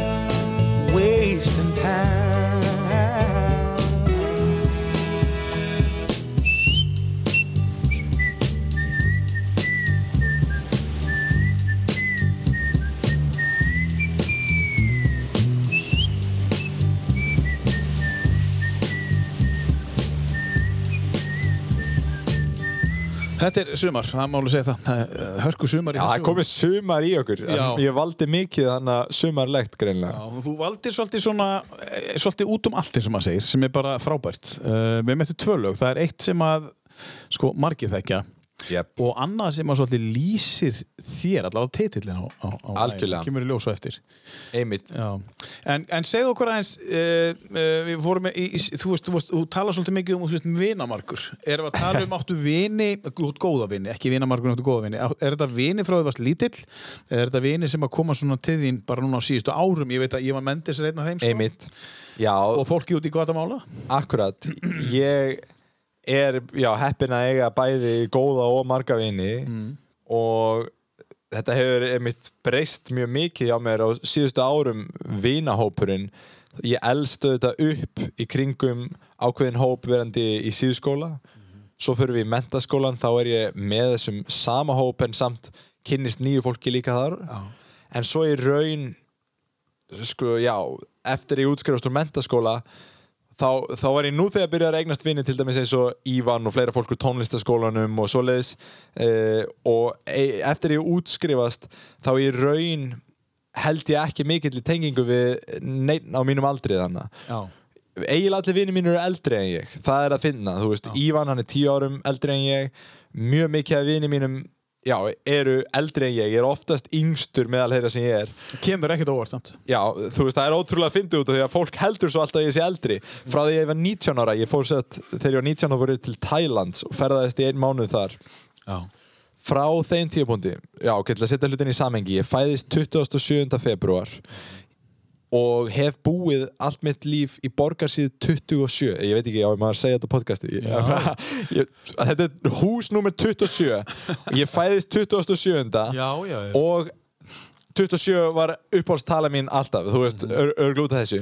Og það finna er að frá því að ég eh, var að ferðast hann í Tælandi og, og áfram er lang algengast að fólk giskja á í sér 27 ára Já, frá því þegar ég var 19 ára að ég var 19 ára í Tælandi og, og fólk var að giska að ég verið 27 Já. það er ótrúlega fyndið hvað margir giska á það Já. og svo einmitt hef ég notið þess ofta að eiga þetta bragið inni veist, fólk spyr, hvað er til að gamall? hvað heldur þú? Uh, 27 eða eitthvað og svo segir við að, þú veist, núna er ég 22 en þegar ég var að segja við að ég er 19 eða 20 eða 21 eða eitthvað og allir bara, ha? Er ég búin að vera að fá hérna lífsráðgjöf frá 20 ára dreng? Það er þetta máli sko. Ég er búin að vera að fá lífsar ákjöf frá 22 ára dreng En veistu hvað er búin að gefa út marga plötur? 27 Er Nei, ég er ekki, það eru 30 Á, ok. Ég var að tellja það, ég bara hugsaði Það væri sorgkostlegt það væri þannig. En, en sko, en samt 30 samt sko út Með þá- þetta eru smá smá og í já, sam- bara, já. Þú ert búin að gefa út. Jep. bara íta bara publish, Já, publish, publish 30 Vá. Já, það er ógslag mikið. Og alveg jafn mikið af tónlist sem ég hef skapað sem verður ekki komið út. Já. það eru örgulega svona 50-50 Já, já. held að helmingur cirka af því sem ég hef skapað hafi komist út svo, já, endalust af músík sem verður ekki komið út Hvernig heldur þetta verið út á hann 50? Hvað ertu búin að gefa út mikið? ég veldi þessu fyrir mér bara hvað, hvernig verður líf mitt þá já. þú veist, bæðið með tónlistalega séð en líka bara almennt hvað, hvaða manneskja verður það eiginlega En segðu mér eitt, um, Akureyri eða Ellendis myndur þú segja að framtíðin væri fyrir? Hvað, klálega erlendis Að búa? já, já, ég er hér á Akureyri verð að einhver leiti í sumar en ég reikna með að vera stærri hluta sumarsins fyrir sunnan svo stefni ég á að flytja út í haust. Uh, stefnan á þessum tímúndi er að fara aftur yfir til Mexiko til að byrja með og svo langar mig að vinna með sunnar mér langar að fara til Suður-Ameríku. Ég komst bara til Guatemala sem er efsti partur Mið-Ameríku. Svo eru þannig lönd eins og Honduras El Salvador, uh, Costa Rica sem eru Mið-Ameríka. Svo fyrir neðan það þetta opnast Suður-Ameríka, það eru með Peru, Kolumbíu Chile, Brasilíu allt þetta mér langar að ferðast meira. Um, en ég er 100% opinn fyrir því að bara þá- þangað sem lífið langar að leiða mig þangað fer ég. Svo nákvæmlega hvernig það mun spilast út veit ég ekki en ég veit að ég mun ekki vera á Akureyri mikið lengur. Það er bara einfallega þannig að hlutinni sem ég er að gera og það sem ég er að skapa uh, mér langar að vera í kringum meira fólk sem að er að gera svipaða hluti eins og ég. Og það einfallega er bara ekki til staðar hér á Akureyri. Það er, þú veist, ég er ég, það er ekki margir hérna í bænum sem ég get tengt við alveg á þessu leveli sem ég hef tengt við svo fólk, þú veist, á mismandi stöðum í heiminum. Ég skil hvað áttu en auðvitað er, þetta er alltaf breytast svo hratt það er miklu fleiri sem eru á þessari bylgjuleng núna hér í bænum heldur en voru fyrir nokkrum árum, skilur Já, það er jákvæmt En Berlín kefur átt í greina, flytja til Ívan? Ha, ég, ég, sko, ég átta mig á því þegar ég ferðast. Ég til dæmis fór og kíkti á Ívan í Berlín. Það var 2019 kíkti ég á hann áður en ég fór til Thailands uh, og svo þegar ég farið eins og já, farið til Bangkok í Thailandi eða farið til Mexico City eða þetta, þá átta ég á því hversu mikill smábæja drengur ég er sko. ég fíla mig miklu betur í litlum bæjum heldur en í stórborgum. Og það var þannig í Mexiko þá var ég í litlum bæjum, í Guatemala var ég í litlum bæjum. Svo ég sé ekki fyrir mér að ég muni flytja til Berlínar. Ég finn einhvern veginn Bangkok. Nei, ég finn einhvern veginn, mér líður eins og orkusviðið sé svo stert Já. og ég finn bara ein, svona einhvern veginn hugarsvið alls þessa fólks sem er samankomið Já. Með sín allskins sína pælingar og sín vandamál og sína góður hluti líka en þetta er bara svo þjætt Já, og ég líka, ég verð bara að komast í náttúruna. Já, mér langar að geta verið komin út úr bænum á nokkru mynd einmitt. Og ef ég er inn, inn í kjarnanum á einhverju stórborg þá bara einhvern veginn líður mér eins og ég sé einhvern veginn, já ekki alveg, það er ekki minn heimavöllur. Við byrjuðum þáttinn á hérna á hérna uh, lægi sem að heitir uh, Já, ég ætla bara að lefa fólki að heyra Society. Við byrjum á því lægi sko og, og þú talar um sko, hefur þú séð myndina? Ég hef séð þessa mynd In- Ég hef séð þessa mynd frábær mynd og, og svolítið svona um mann sem að einmitt fílar ekki stórborgina og fer inn í stórborgina aftur fílar svona overwhelmed ég þarf Einmitt. að komast aftur út sko tengir við það? Ekki alveg Nei. Þú veist, ég tengi klálega við einhver hluta af þessu í myndinni þá Já, þú veist, Já. núna, það er orðið smá sem ég sá þessa mynd Ég er að reyna að muna akkurat hvernig þetta spilaðist út já, já. fóði bara bak, bakbóka og út skilu, var að inn í. Harvard og nei, nenni ekki ég ætla, auðvitað tengi ég við þetta, þú veist, það er klálega hluta mér sem að hugsa bara hvað er maður að gera að vera vesenast í öllu þessu bralli sem að við erum með? Mér langar bara að vera einhvers staðar út í skógi og bara lifa á landinu og svoleiðis. En svo er málið það þetta tækifærin uh, sem að eru í bóði fyrir okkur þegar við erum í sammenningu öll, uh, sérstaklega til þess með tæknina sem við erum búin að skapa núna. Þú veist, fyrir mig til að gera mína tónlist þá get ég ekki verið bara einhvers staðar út í skógi. Ég þarf að vera tengdur í rammagn, ég þarf að hafa græjur og þetta er eitthvað sem að mér langar ótrúlega mikið til að gera. Já, og mér langar að vinna með þessari þróun í staðin fyrir að reyna einhvern veginn bara að fara aftur tilbaka til frumbyggja mannsins. Mér langar að innleiða visku frumbyggjans inn í allt það sem við erum búin að skapa núna Já. í staðin fyrir að snúa bara tilbaka. Auðvitað eru búið að gleyma mikið af viskunni sem að frumbyggjarnir höfðu sem að væri lífsnöðsuleg fyrir okkur að innleiða núna. Sem að var líka til þess að eitthvað var til hjá okkur. Akkurat Svo að, já, ég, Mér langar að reyna frekar að gera gott úr því sem er í staðin fyrir bara að flýja úr því, sko. Hvað ætlar að verða þú stór? uh, Mjög góð spurning. Ég er orðin ágætlega stór, sko Ég er 187 já, það er alveg nóg sko. þú ert orðin það sem þú vilt verða Já, ég, ég meina ég er með mikið markmiðum fyrir það sem mér langar að gera í lífinu Stór markmið eh, En ég reyni alltaf að vera viðstattur hér og nú vegna þess að ég átta mig á því að það sem er nú er allt sem er ef að maður er ekki ánæður hér og nú þá ertu búin að missa af punktinum Já. vegna þess að það kemur aldrei tímapunkturinn að þú ert orðin stór. Þú verður aldrei fullorðin að vera fullorðin orðin til fulls það kemur aldrei eins og tímapunktur. Það er ekki endapunktur. Það er vegferðin en við erum alltaf í núinu. Þú veist, tomorrow never comes. Þetta er eitthvað sem allir hafa heyrt en þegar þú virkilega fer að tengja inn á þetta þá er þetta grillað. Það er aldrei neitt annað augnablík heldur en augnablíki sem þú ert í núna. Svo ef þú ert ekki að velja í þessu núi að vera þakkláttur fyrir allt sem þú átt að- finna fyrir ást og kærleika í hjartaneðinu þá þú veist auðvitað er, er nær maður aldrei að vera alltaf í því núna þú veist, ég er ég reynir mitt besta að vera í núinu en stóran hluta af lífinu er ég fjárverandi já, og ekki til staðar tí- týndur í hugsunum en já, þú veist ég leik mér að þessum hugsunum eins og segir hvað verður þegar þú verður stór. Ég leik mér að búa til hugsanir hvað langar mig að búa til í mínu lífi hvað langar mig að gera úr þessu, hvað langar mig að verða. Og svo leik ég mér að því að fylgja þeim eftir og gera það sem þarf að gera til þess að raun gera þessar hugsanir.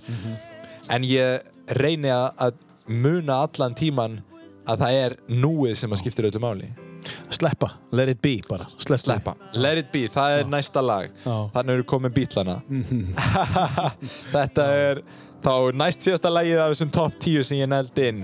Let it be með bítlunum er þetta bara að sleppa, let it be bara. Leifa því bara vera, Já. einmitt. Þannig að, þú veist, ég hef tengt við þetta lag á svo mörgum mismöndi tíumpunktum Svo stert og auðvitað þetta er eitt frægasta lagi heimi fyrir ástæðu þetta Já. er svo mögnu speki og auðvitað þessi melodía náttúrulega er svakaleg einfalt og Já. gott. Heyrum brotur úr þessu fína lagi, þetta er þetta er eh, næst síðasta lagi að við, við hefum eitthvað eftir hér á top 10 listanum hans Stefáns For though they may be parted, there is still a chance that they will see. There will be an answer. Let it be.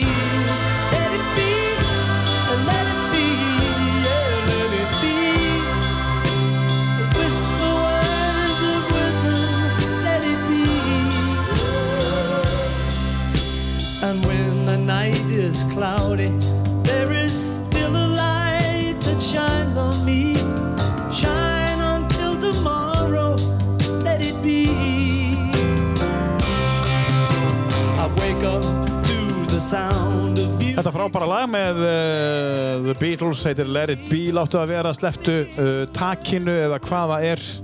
Hvernig sem að Stefán tólkar eða þú hann úti þetta er rosalega flott lag. Kannt að syngja þetta og spila þetta lag, Stefán?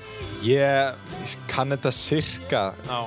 Ég, já, ég gæti kunna það mjög fljótt ef ég færi í það. Já. ég hef lært það sko að spila það. Já, en ég myndi örgulega ekki vera alveg 100% með hljómagangin ef ég myndi að, að það spila þetta bara nákvæmlega núna Herðu, en, en svona, þú, þú varst að segja okkur áðan að þú uh, framöndum hefur væri þessi uh, tónlistar uh, hrina af útgáfu uh, Yes. þú fer mögulega út í haust og ætlar að vera eitthvað fyrir sunnan segja okkur aðeins bara hvernig svona næstu mánuði verða hjá þér, hvað framöndun hjá þér bara í lífinu svona fyrir utan? Takk, já, það sem er framöndan núna er ótrúlega margt magnað. Eitt af því stóra er þessi plata sem við vorum að tala um. Eitt annað stórt, ég man ekki, mér minnir að ég hef minnst á það örlítið á hann, ég er sem sagt að búa til kurs um þessar mundir, Já. netkurs í samstarfi við Íva Mendes sem heitir Heart Centered Music Production. Þarna erum við raun að kenna tónlistaframleiðslu, upptökur og tónlistavinnslu en að samaskapi förum við mjög djúft í sem sagt hvað þetta sköp sko hvernig einstaklingurinn getur tengt sig við sköpunarkraftin hvað þú færð úr því fyrir þitt persónulega líf, fyrir þitt andlega líf að ég tjá þig á listrænan og skapandi veg og tengjum mikið sko sögu mannkins og tónlistar hvernig þetta þróast hvaða trúarlegu tengingar hafa verið í gegnum mannkynnssöguna við tónlist hvernig getum við núna nota tónlist til þess að tengja okkur við æðri meðvitundar ástönd eða hærra afl? En í grunninn er þetta kennslað samt á sko, það sem maður myndi kallast á ennsku music production. Á netinu. Þetta er á netinu og þetta er námskeið sem að fólk mun geta keift og farið í á sínum eigin hraða. Þetta eru vídeo og kennsluefni Já, sem þeir eru búin að taka Já, sem við erum búin að taka upp. En ég hins vegar býð líka upp á tónlistakennslu one-on-one Já. sem er sama efni í raun og í þessu nema sé- sér sniða einstaklingnum. Mhm. svo til dæmis ef einhver er að hlusta okkur núna og langar til þess að læra að pródúsera músík eða langar til þess að læra að semja lög eða semja texta syngja, spila á gítar eða einfallega bara tengja sig við sköpunarkraftin og, og upplifa skapandi innblástur þá býð ég upp á enga tíma í þessu svo ekki hika við að hafa samband við mig. Uh, þetta er eitt af því stóra sem er að fara af stað núna og við erum að vinna hart að svo er uh, ég, sagt, ég, ég talaði á þann um verkefni með Pandabjörn smálverkið Já. það er, ég er, að, er sagt, ennþá að mála þennan Pandabjörn svo það er verkefni sem ég er að vinna í. Uh, s- annað verkefni sem að uh, ég er að vinna í er listasýning þar sem ég er með fleiri en bara þetta málverk. Ég er með bókaða sýningu hér í ágúst að sína listaverk en í ágúst líka er ég með bókaða listasýningu í, í Reykjavík. Hefur þið tíma til að flytja út? það verður nefnilega fróðlegt að sjá hvernig þetta allt spilast út út að það er svo margt sem er í gangi núna Já. og ég er að passa mig á því að missa ekki sko fókusin af því sem að skipti mestu máli að fylgja eftir og það ég fæ svo mikið af hugmyndum. Eh, Framkvæmur allar hugmyndar En það er nefnilega málið, sko, að ég er að sko tengja mig við að ég hef máttinn til þess að halda utan um þetta allt og framkvæma þetta allt. Og orkuna. Og um orkuna. það. og maður þarf nefnilega að sko virkilega stíga inn í sin eigin kraft og treysta á sjálfan sig til þess að, já, missi ekki yfir sín yfir öllu því sem maður er að gera.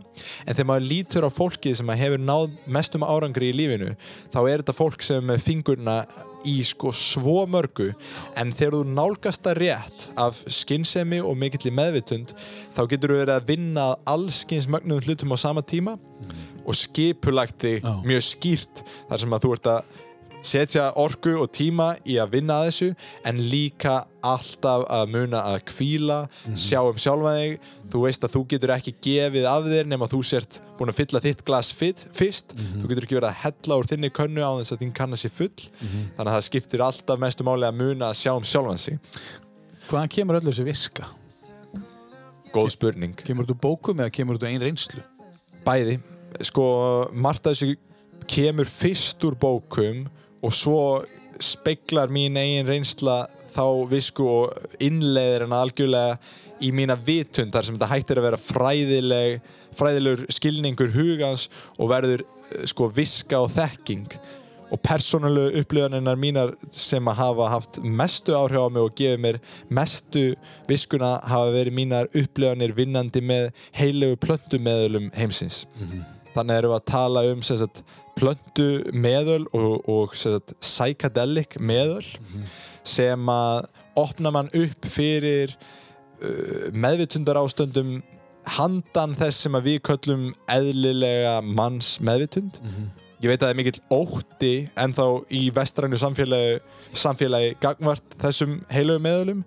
En fyrir mig hafa þau verið þau hafa gefið mér beina persónulega upplifun af þessari visku sem að maður getur lesið í öllum heilugu bókunum sem að er svo endalaust mikilfenglegri þegar maður upplifir hana sjálfur bara beint. Ég er tengdur öllu, ég er hluti af náttúrunni. Kjarni minn raunverulega er kærleikur, friður, ljós og ást. Og þegar maður upplifir þetta beint þá er engin leið til að neyta þessu. Nei. En við óttumst þetta svo mikið út að við óttumst að stíga inn í mikilfengnina sem er sannleikur sjálfsins. Við, okkur líður svo þægilega í smæðinni að við óttumst að stíga út og þess vegna höfum við gert þessi meðal uh, að tabúi. Ég þóra ekki að tala mjög mikið um þessi meðal uh, í íslensku samfélagi þó svo ég að tala uh, núna á podcast við þig út og ég held að ef einhver er búin að hlusta nógu langt í þessu podcasti til þess að heyra það sem við erum að tala núna þá færðu tilfinningu fyrir því hvaðan ég er að koma.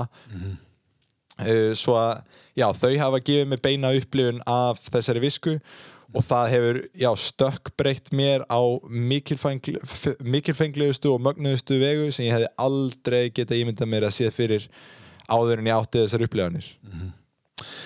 Algjörlega frábært. Um, Stefán Eli, um, þú við ætlum að enda þetta á, á lagi hérna, sem að uh, ber titil sem að ég treysti að tengis svolítið bara við þig þú veist, Jep. bara þú, þú lifir þú samkvæmt þessu?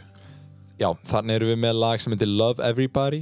Þetta er sér lag eftir tónlistamannin East Forest þar sem að uh, andlegi spekingurinn Ram Dass er að tala inn á tónlistina sem hann hefur tekið upp.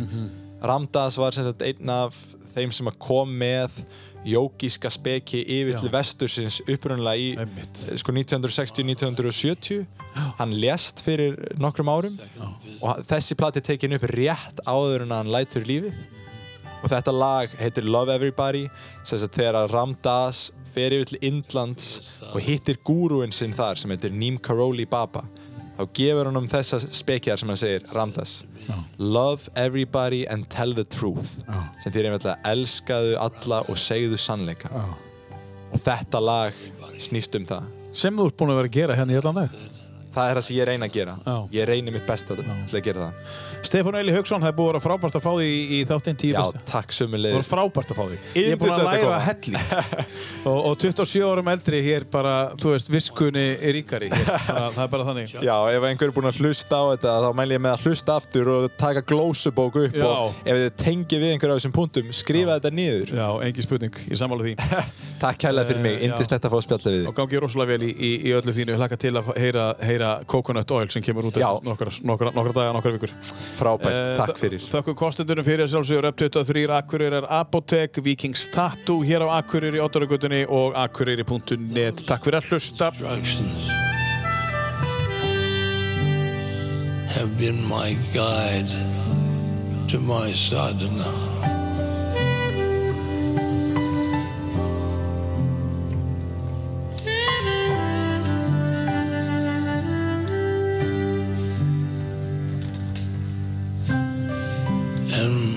My sadhana has led to my soul.